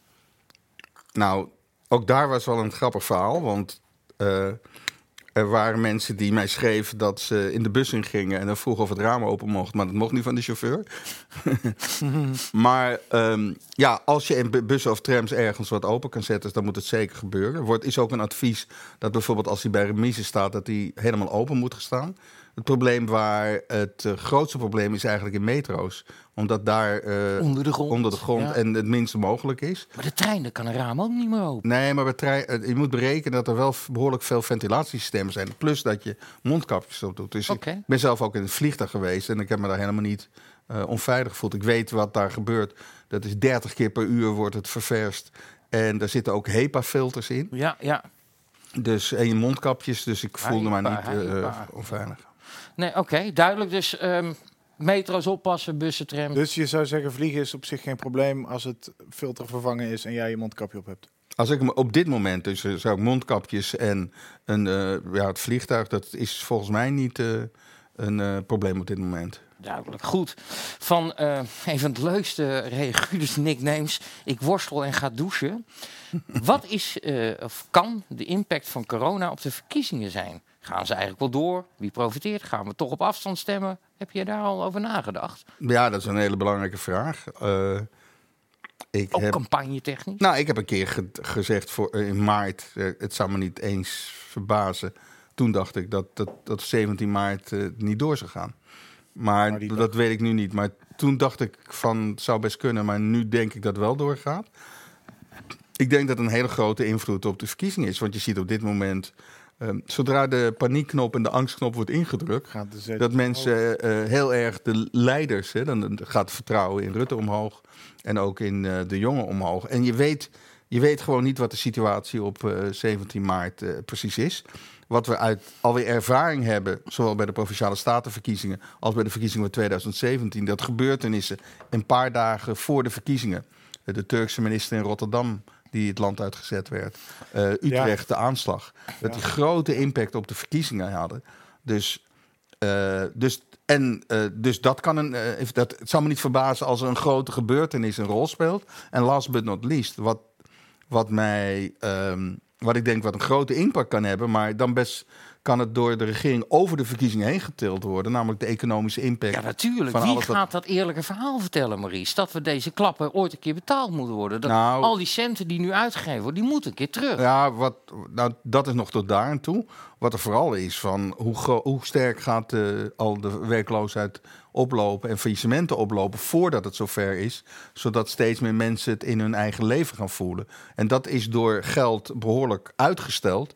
En nu door toch een, de, eh, deze situatie waar we nu weer in geraakt zijn, waardoor de economische klap nog een keer komt. Eh, ja, ik vraag me, ik bedoel, ik weet niet wanneer dat. Wanneer, dat topje van de ijsberg eh, zien we nu wel een beetje, maar die ijsberg is ontzettend groot. Maar dat, eh, dat maar geld blijven geven. Dat maar eh, die TOZO en die on- eh, ondersteuning. Zelfs KLM en weet ik het allemaal. Dat, dat blijven we natuurlijk doen tot aan die verkiezingen. Want dan blijft dat gevoel nog een beetje. Dan komt, voelt het nog niet zo. Ja, ze komt hebben het nog niet nog zo veel hard sterker. aan. Ze hebben de beslissing genomen dat alle maatregelen al tot de zomer zijn. Ja, zodat ja. ze er niet meer over hoeven te praten. nee, precies. Maar uiteindelijk, en ik vraag me af wie dat verhaal gaat vertellen, zal de middenklasse waar ik tussen eh, bij hoor, die gaat hem echt betalen. Ja, nou, dat, dat, ik, het gaat me nog niet eens om wat ze hebben uitgegeven, wie dat gaat betalen. Nou, mij dat- wel. Nou, maar, het, nee, maar ik denk, ik weet niet of dat. Ik bedoel, eh, ze hebben ook veel geld. Ik, ik bedoel, e- economisch wat dat consequenties weet, weet ik niet. Wat het belangrijkste is, in hoeverre de, de crisis die we nu hebben economisch gaat door. Eh, eh, terechtkomt in het dagelijks leven. En dat lijkt nu nog niet grootschalig te zijn. De meeste mensen zijn zo overheerst voor de angst voor het virus. dat ze dat een gro- gro- groter is dan de angst van hun economische positie en de sociale Dat- positie. dat- En voor een deel is dat ook omdat ze denken dat het hen niet zal betreffen. Ja, ja, ik heb vanaf die eerste golf vrij snel... In het begin heb je een soort van, oké, wat is er aan de hand? En eng en gevaarlijk. Ja. En, eh, maar vrij snel nam bij mij ook het gevoel de overhand... dat die economische gevolgen zullen uiteindelijk veel groter zijn. En dan niet alleen voor de, voor de horeca en de cultuursector... en de Alle theaters en sectoren. de- want al dat, al dat thuiswerken en al die, al die mensen die nu betaald worden uit die, die eh, fondsen en uit die, uit die hulpprogramma's, die worden straks gewoon net zo makkelijk boventallig verklaard als eh, de het bedrijf waar ze voor werken de inkomsten Nee. niet meer heeft. Ja, maar dat thuiswerken wat jij noemt, dat vind ik ook een dingetje. We hebben dan, in Utrecht hebben we de Verrekijker. Dat is een mega kantoor van de Rabobank. Ja. Daar kunnen 9000 mensen werken. Dan zie ik een paar maanden terug, eh, eh, een paar maanden terug een of andere tuthola van de Rabobank bij het NOS staan vertellen. Nou, we gaan helemaal naar het thuiswerken, ook in de toekomst. En die komen hier niet meer Ja, dan dat zijn 3000 van die mensen rare hype. Ja, maar wat is, dat had je toch tien jaar geleden ook kunnen verzinnen? Nee, hè? maar gaat wat anders gebeuren. Je hebt gelijk, maar ik heb in 1995 een boek geschreven dankzij de snelheid van het licht omdat ik eh, zo, ik heb in 1965 leren programmeren. Dus ik was heel erg met technologie bezig. En internet was voor mij, nou dat is de toekomst. Dat gaat zoveel consequenties hebben. Dan zat je ook wel goed. Ja, maar, wat het, maar op een aantal dingen zat ik op zichzelf goed in de lijn. Maar het ging veel langzamer dan ik in mijn boek voorspeld had. Ik had al geschreven van, ja, als we inmiddels eh, via goede... gewoon science fiction geschreven. Ja, maar, maar nee, maar het, het interessante is, neem bijvoorbeeld... Ik heb letterlijk geschreven, luister, als we eh, glasvezel of wat dan ook hebben... waarom zouden we voor een vergadering naar Rotterdam rijden voor een uur? Daar een uur vergaderen en een uur terug. Nou, en daar had ik echt letterlijk geschreven. Ik denk dat onze wegen na 2010 veel rustiger worden. En ik denk dat die grote kantoren ook niet meer eh, veel Lang functie geduurd, hebben. ja. Alleen wat is er nu gebeurd? Dat ging heel langzaam, of eigenlijk niet nog. En nu hebben we een maanden met gezoomd enzovoort. En, nu iedereen, zeggen... ja, maar iedereen is er ook weer spuugzat. Nee maar, nee, maar, nee, maar, nee, maar wat er nou gebeurt is... Ik denk dat we voor een deel... Een, een, en ook met eh, online learning... dat we een, een stap van tien jaar ge- gemaakt hebben. Dat we als, we, Ja, als er niks was veranderd... dan hadden we dat over tien jaar gedaan. Maar nu komt het. Maar dat betekent dat de hele structuur van de samenleving niet meer klopt. Want we krijgen leegstand in kantoren. We krijgen leegstand in Ja. winkelen. Nou, dan maak je er woningen van. Jawel, maar dat, de, wat ik alleen zeg, als we dat geleidelijk zouden gedaan hebben, is het makkelijker te doen dan dat je het gaat doen terwijl er Aan ook nog andere- een economische Aan de, crisis aan de is. andere kant, als het geforceerd gaat, gaat het vaak ook wel een stuk sneller. Dan wordt de, de wet en regelgeving ineens een stuk Ja, Ja, elastieker. maar, maar als dan, daar ben ik mee eens. En ik ben, op zichzelf ben ik daar ook niet tegen. Maar als we in een stabiele situatie ja, zitten, daar- maar we zitten ja, niet in daar een nee, stabiele situatie. Nee, we zijn totaal ontregeld in Ja, een hele korte tijd. Weet je hoe dat komt? Waarom dat internet zo lang geduurd heeft? De vergrijzing, de bejaarden, de terminalen. Dat is waarom we nog steeds tv kijken. De vergrijzing. Dat is waarom we nog steeds kranten lezen. De vergrijzing. Dat schuift langzaamaan op. Dat duurt veel langer. Ja, ik ben, ik ben bijna 73, dus Ja, nee, ja, nee, maar jij, jij bent een- wat dat betreft wel een uitzondering. Maar ik, 18 jaar geleden deed ik mijn eerste filmpjes op internet maken. Ging ik naar voetbalwedstrijden voor Depot TV. Het zag er niet uit. Toen zat ik met die man te praten. eh, René de Monchy, hij is nou van de, van de, van de NVJ. En die zei tegen, hoe zie jij het internet ontwikkelen voor je? Ik zeg, over 20 jaar is alles geïntegreerd in je tv en dus doe je alles. En we zijn er nog steeds niet. Nog steeds niet. We hebben nog steeds uh, je, Omroep Max. voel je je nou bekocht? Nee, maar-? Nee, maar het, het, het Nee, heeft maar gewoon goed. tijd nodig. Nee, maar Wat dat jij is net met die kantoren, met het Ja, thuiswerk, maar dat- alles. dat zijn maar luister, ik, eh, wij- wij- ik had ook eh, al in 1995 gezegd... ja, we gaan brieven worden ook steeds minder. En het papiergebruik duurde nog eh 15 jaar... voordat Ja. het ging, van Nee, naar, bene- naar beneden ging. Dat filmpje trouwens. ik had hier jou ook met de iPad bij, kunnen bij, zitten. bij Sonja Barend. Daar, dat, die had ik er even bij moeten pakken. Die schiet me ineens te binnen. Dan zit je Nou, je wat- Sonja, Sonja Barend. Dan zit je tegen Sonja Barend. Nou, die is inmiddels 123 volgens mij. Zit je te vertellen van over 10, 20 jaar. Dan kies jij je bankstel en je interieur uit via gewoon dat je virtueel kan lopen. Ook daar even lang. Ja, maar weet je wat nog heel leuk was? Nou, In 2016 was er een IKEA-filmpje met, eh, eh, eh, met VR. Dus die liet zien. Ja? Die liet letterlijk dat zien. En vervolgens, als je dat filmpje pakte, was anderhalve minuut. En dan mijn tekst bij Sonja Barend deed, was ik dat filmpje aan het beschrijven in dezelfde tempo. nou goed. En dat, dat staat ook nog op internet, waar ik dat filmpje beschrijf hoe je. Oké. Goed, we gaan eventjes. Ik heb nog twee vragen. Want deze is, dit is een lange vraag. Je zei me aan de telefoon vanmiddag. Ik heb geen moeite met Nee, alles vragen. mag je vragen. Hij is heftig en hij gaat ook over je verhalen. Dus hij komt van Dimas met een Z. Vraag voor Maurice de Hond. U vindt de anderhalve meter onzin. De mondkapjes onzin, et cetera. U riep zelfs dat er buiten gewoon geknuffeld, buiten gewoon geknuffeld kan worden en bereidt stevast uw stokpaardje, de aerosolen. Een facet van de virusspreiding waarin u goed bent ingelezen, dat dient gezegd. Echter, uw tunnelfocus komt overeen met die in de Deventer-moordzaak, al waar u keihard bent veroordeeld voor smaad. De klusjesman, dat was uw paradepaardje, met alle desastreuze persoonlijke gevolgen voor de persoon in kwestie van dien. En in uw leven heeft u meer faux pas begaan. Ik noem de Steve Jobs school of dat geniale bedrijf Economy. Mijn vraag, waar komt die hang naar gelijk willen hebben vandaan? En heeft u ook de moed om u al uw fouten uit het verleden te erkennen? Vriendelijke groet, Dimas. Ja. Ehm, ja, ik, toen ik mijn boek eh, beschreef hè, van eh, de, eh, dankzij de snelheid van het licht, Mhm. toen eh, werd er ook gezegd dat, oh ja, echt onzin. We, toen de jongens, eh, we gaan toch niet eh, kopen enzovoort. Dus ik ben vaak he- met heel veel dingen mijn tijd vooruit geweest. Ik heb in de Steve Jobs school heb ik in 2013 gestart omdat ik merkte dat hoe belangrijk de iPad was en hoe belangrijk technologie op scholen kon zijn. Alleen, het is een ontzettend conservatieve wereld, die wereld. Ik zeg nog altijd, scholen doen ze echt goed werk, maar we bereiden onze kinderen voor op het verleden en niet op de toekomst. Ehm, dus op, op allerlei punten die ik eh, in het verleden gedaan en gezegd heb, kan ik goed argumenteren waarom ik dat gedaan heb. En ook nog goed laten zien eh, dat op veel punten wat ik toen gezegd heb terecht was. En ten aanzien van de Deventer moordzaak zijn we er nog lang niet hoor. Ten aanzien Nee? van de uit. Er komt nog.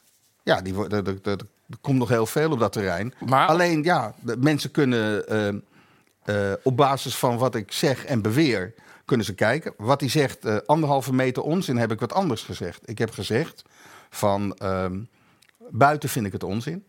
Eh, mondkapjes buiten is ook onzin. Eh, binnen eh, zei ik, je kan best voorzichtig zijn, maar waarom niet één meter zoals in Italië? Dat betekent dat je meer capaciteit hebt dan anderhalve meter. Mondkapjes onzin ook niet. Ik heb al in april gezegd dat ik mondkapjes juist wel. en zelfs toen schreef ik buiten, omdat ik nog niet wist dat buiten onveilig was. Dus ik ben helemaal niet tegen mondkapjes geweest. Alleen nadat we hier langzamerhand de, de situatie zo laag was, was mondkapjes wel onzin. eh, onzin.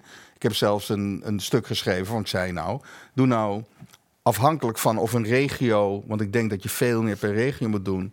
eh, er veel mensen zijn positief besmet of niet. Daar kan je je aanpak aan differentiëren. Eh, ja, ik denk van mensen moeten maar de dingen beoordelen. En ik merk vaak dat, eh, dat mensen uitermate oppervlakkig oordelen over zaken. Als je bijvoorbeeld. Nee, oké, maar als je nou kijkt naar dat, eh, die Steve Jobs School, eh, die, is, wat je net zegt, Ja? het is een hele conservatieve wereld. Het duurt heel lang voordat het gaat. Eh, dan kun je aan de ene kant zeggen dat is geen fout, want je, hè, het Ah, heb- doel wat je voor ogen hebt goed. Aan de andere kant kun je ook zeggen dat had je kunnen weten dat het een conservatieve school is. Ja. Dan had ik het anders aan moeten pakken.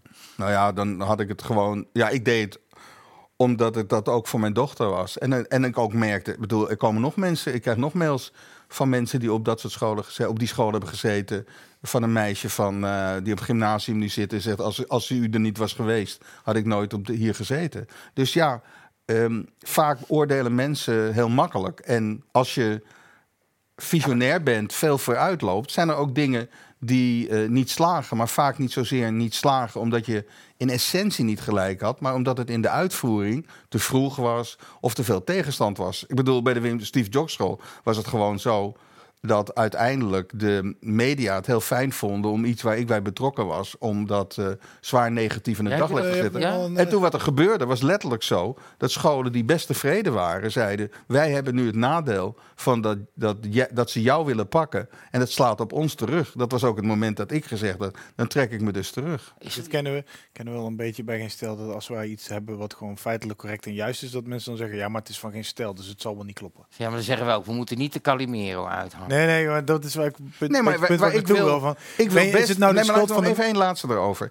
ik, ik, zoals ik zeg, ik zou over elk onderwerp waar ik doe, kan ik uitleggen waarom ik het gedaan Nee, heb. oh, En wat ik mijn- geloof dat En wat mijn argumentatie is. geweest. En we kunnen ook praten waarom bepaalde dingen eh, niet geslaagd zijn of nog niet eh, zo uitgewerkt zijn.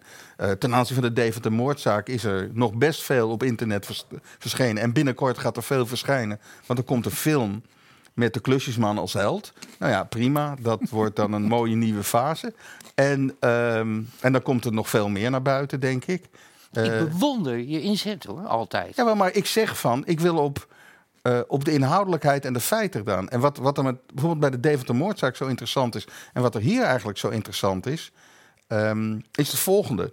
Ik... ehm, eh, als je van dingen niet kent en van de buitenkant kent, denk je dat is een autoriteit en dat zit allemaal goed in elkaar.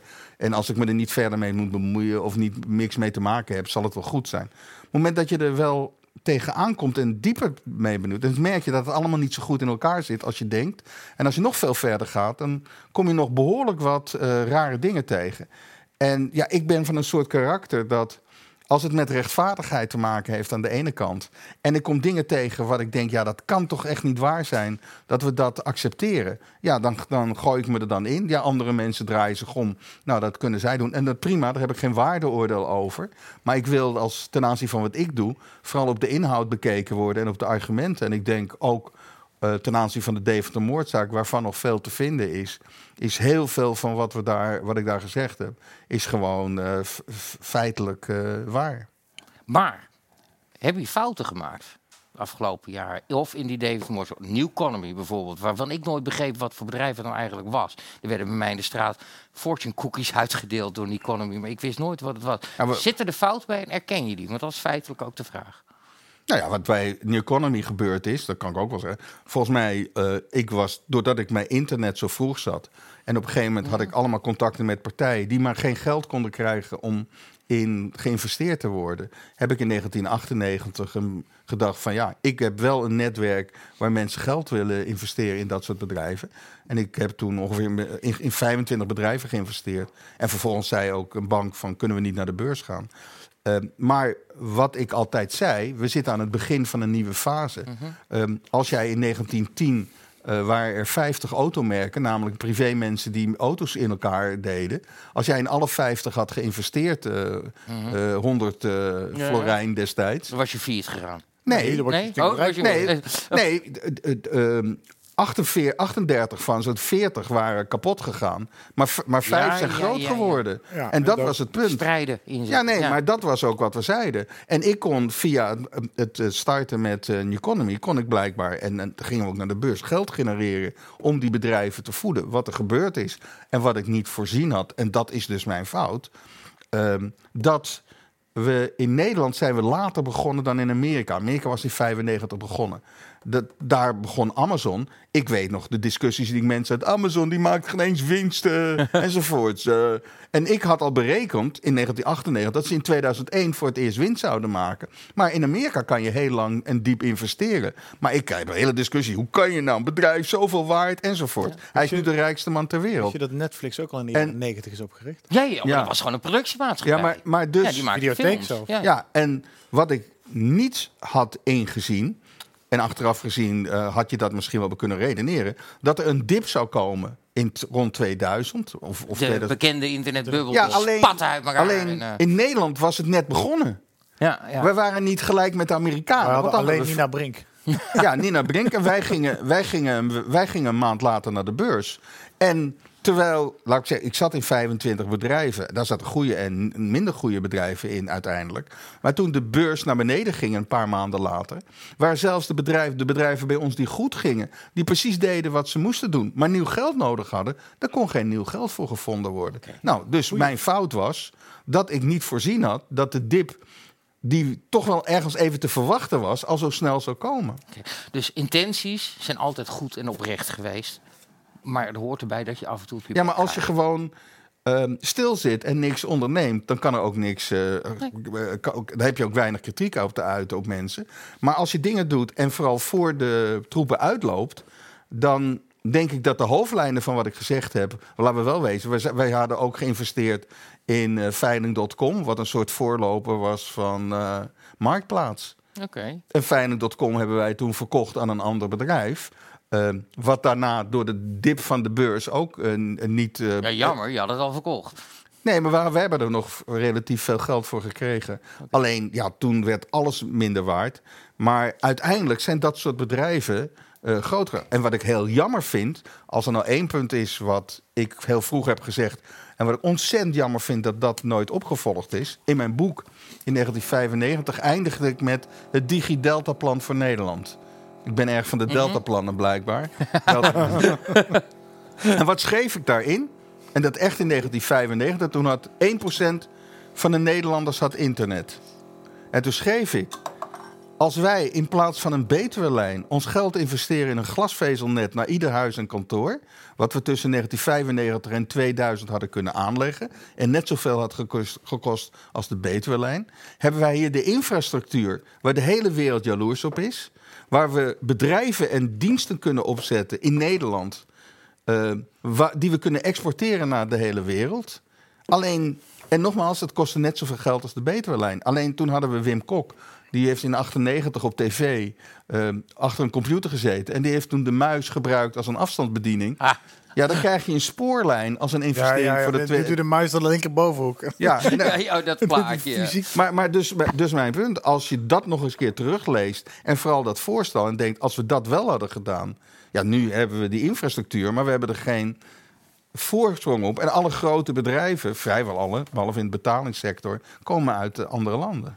Goeie vraag, Dimas. Halve aflevering gevuld. oh, ja, ja, ja, ja, toch wel, Bart. Heb je nog een prangende vraag, jongen? Ik, eh, nee, Tom. Ik, Echt eh, niet, want nee, ik zat namelijk, we hadden afgesproken dat ik nog Nee. één vraag zou stellen, terwijl jij aan het lullen was. Ja, maar ik heb geen vraag meer, dus je bent Ah, kut. Sorry, staat- sorry, voorzitter. Ik heb nog één vraag, namelijk van de voorzitter. eh, een van de meest oldschool reaguurders van het internet. En die eindigt de vraag met... Ed Tom, succes morgen. En stel mijn vraag eens. Bijvoorbeeld ergens halverwege een monoloog van Bart. Hij tettert nogal graag Nou, door. voorzitter, ik ga wel even pissen. Doen jullie Ja. vraag maar. Oh god, meneer. de- Beste Maries. Hoe kan het dat sommige weekpeilingen, soms naar vreemde fratsen in Den Haag, 0,0 verschuiving laten zien? Is dat desinteresse van uw bataljon mensen die ooit achterloos zich hebben opgegeven voor uw metingen? Heeft u, eigen, heeft u uw eigen peilingsgroep ooit gepeild hoe serieus zij die peilingen van u nemen? Kortom, hoe moeten we uw peilingen duiden? Nou, wat je gewoon ziet is dat eh, veel mensen die ehm, zelf heel erg gev- gevoelig zijn voor de dagelijkse dingen in de politiek, eh, denken van ja, maar dat eh, zullen andere mensen toch ook hetzelfde over denken als ik. Eh, met name bijvoorbeeld kiezers van een PVV of Forum. Die bij alles denken, ja, als, nou moet je kijken wat die nou doen. Nou, nu zullen de kiezers toch wel begrijpen en massaal naar ons overlopen. Maar dat is dus niet. Een groot deel van de kiezers is behoorlijk stabiel Ja. in hun opvattingen. Ehm, en bij verkiezingen kan dat wat vloeiender worden, ook om nieuwe lijsttrekkers en zo. Waarschijnlijk deze keer weet ik ook niet. Maar doorgaans, ik heb het eens een keer over tien jaar nagekeken. Gemiddelde verschuivingen per week is eh, vier zetels. En dus mensen zijn. Ja, het, het is nogal wat om 60.000 mensen van de ene kant naar de andere kant. Wat er gebeurt als er een grote, eh, groot probleem is. wat- zeteltje ongeveer. Nee, maar Dat- 50 plus, wat er toen gebeurde, dat was in no time waar ze 7, 8 zetels Ja, die gingen van 9 naar 4. Ja. Ja, nou, maar dat is niet gek, omdat Henk Krol- Nee, maar, maar ja. daarom, maar ik bedoel, dat zijn grote gebeurtenissen. Maar het is niet een grote gebeurtenis als een politicus iets zegt wat hij doorgaans ook zegt, alleen wat die andere groep vindt van nou, dat kan toch niet. Nu zal wel iedereen anders denken. Eh, De eh, electoraal is nogal is veel stabieler. Ja, goed. Lieve mensen, eh, eh, de reaguurders vragen dus. We het volgende afspreken. Als u 5 euro doneert, dan wordt uw vraag niet gesteld. Als u een tientje doneert, misschien. En als u 50 euro doneert, wordt die gewoon gesteld. Vind je dat een goede deal, Bart? Gewoon betalen voor de vragen. Heb je nog een prangende vraag, Dat Bart? vroeg je Gewoon net ook al. Moet hij ook Gewoon even betalen? in het algemeen. even. Ja, Heb nee, ja, nee ding? ik, ik koop hem iedere week in om hier te mogen zitten. Ja, nog voor je eigen geld. maar je weet, ik eindig altijd. Heb je nog een prangende vraag? Wil je nog iets? Ik, eh, als, ten aanzien van corona heb ik nog wel honderd prangende vragen. Maar nee, ik maar denk gewoon, dat het mag ook gewoon persoonlijk zijn, Maries. Ja, eh volgende verkiezingen gaan we wel weer iets samen doen. Net als met de laatste verkiezingen met de Europese... Ja, lijkt mij heel leuk. We hebben het bij de Europese verkiezingen eh, nogal 100% succesvol. scoren. Dus, Ja, eh, 100% scoren. Ja, die was Dus- leuk. 4,5 uur. Ik vond dat leuk. we, gaan, eh, we gaan niet stemmen tellen, want dat heeft geen zin in Nederland. hoeft ook niet. Want dan zijn- nee, Nee, precies. maar wat, ik, wat we wel eh, kunnen doen, wat we eigenlijk toen ook bij de provinciale staten hebben gedaan, want dat vind ik op zichzelf het leukste, dat als er gemeentes binnenkomen, ja, die zijn die gemeentes, als je het verder niks weet, ja, dan- dan- dan- daar is de partij hoog of laag. Nee, wat veel interessanter is, wat is de bijdrage van een gemeente voor de einduitslag op dat moment? En dat hebben we toen met die provinciale staten ook gedaan. En ook met de Europese verkiezingen. En bij de Europese, maar toen was het dat er nog geen echte uitslag was. Nee, nee. Toen was het gewoon vijf dagen geen uitslag. En toen bleken wij alle zetels goed te hebben. Ik zou het leuk vinden als- als we dat weer doen. Met, Nou, met- dat we- wat we gaan doen, wat, eh, als we met elkaar afspreken, is ehm, hetzelfde wat we toen bij Provinciale Staten hebben gedaan. Namelijk uitslagen die je per gemeente binnenkrijgt. Om die te plaatsen en te kijken wat betekent dat nu voor de Dus sociaal-geografisch interpreteren van wie stemt wat in welke gemeente. Nee, wat we, wat we deden was nog het volgende. We, samen met eh, eh, Dennis Brouwer, die daar het model Ja. heeft gemaakt, samen met mij. Dan hebben we een soort model. We zeggen, nou, oké, dit zou de einduitslag kunnen zijn. Als dit de einduitslag is, dan moet bijvoorbeeld de gemeente eh Bussum... dan moet de VVD 3% winnen. Als de VVD op dat moment maar 1% wint... dan lijkt het erop dat dat minder goed gaat dan Ja, ja. dus het gaat er niet om dat de VVD dan 1% wint. Nee, het gaat erom, wat betekent deze uitslag voor de landelijke Ja, consequenties? Maar dat hebben we toch ook al een beetje met die Europese verkiezingen ook al een beetje gedaan. Dat we per postcode keken. Ja, maar daar was de essentie daar was dat er geen uitslag was. Ja, dat we een exit poll konden maken op die avond, omdat eh, de EU of, of wij het anders niet mochten weten. En met een normale de- verkiezing in Nederland weet je op de avond zelf krijg je Ja. de exit polls. Dus nee, wij kun je- kregen gewoon kun je andere data min- er ook analyseren. 1500 mensen die bij de stembureaus uitslagen hadden en die doorgaven aan ons. En wij, wij hadden met elkaar, Dennis Brouw en ik, hadden een model gemaakt waar dat echt prima in, in paste. En het Ja. bleek inderdaad. 100% eh, nauwkeurig. eh, Dat, en dat vind ik wel weer Ik wil hier, leuk, ook, ik je wil hier Frank Tieskes ook wel even in noemen, onze eigen cijferman.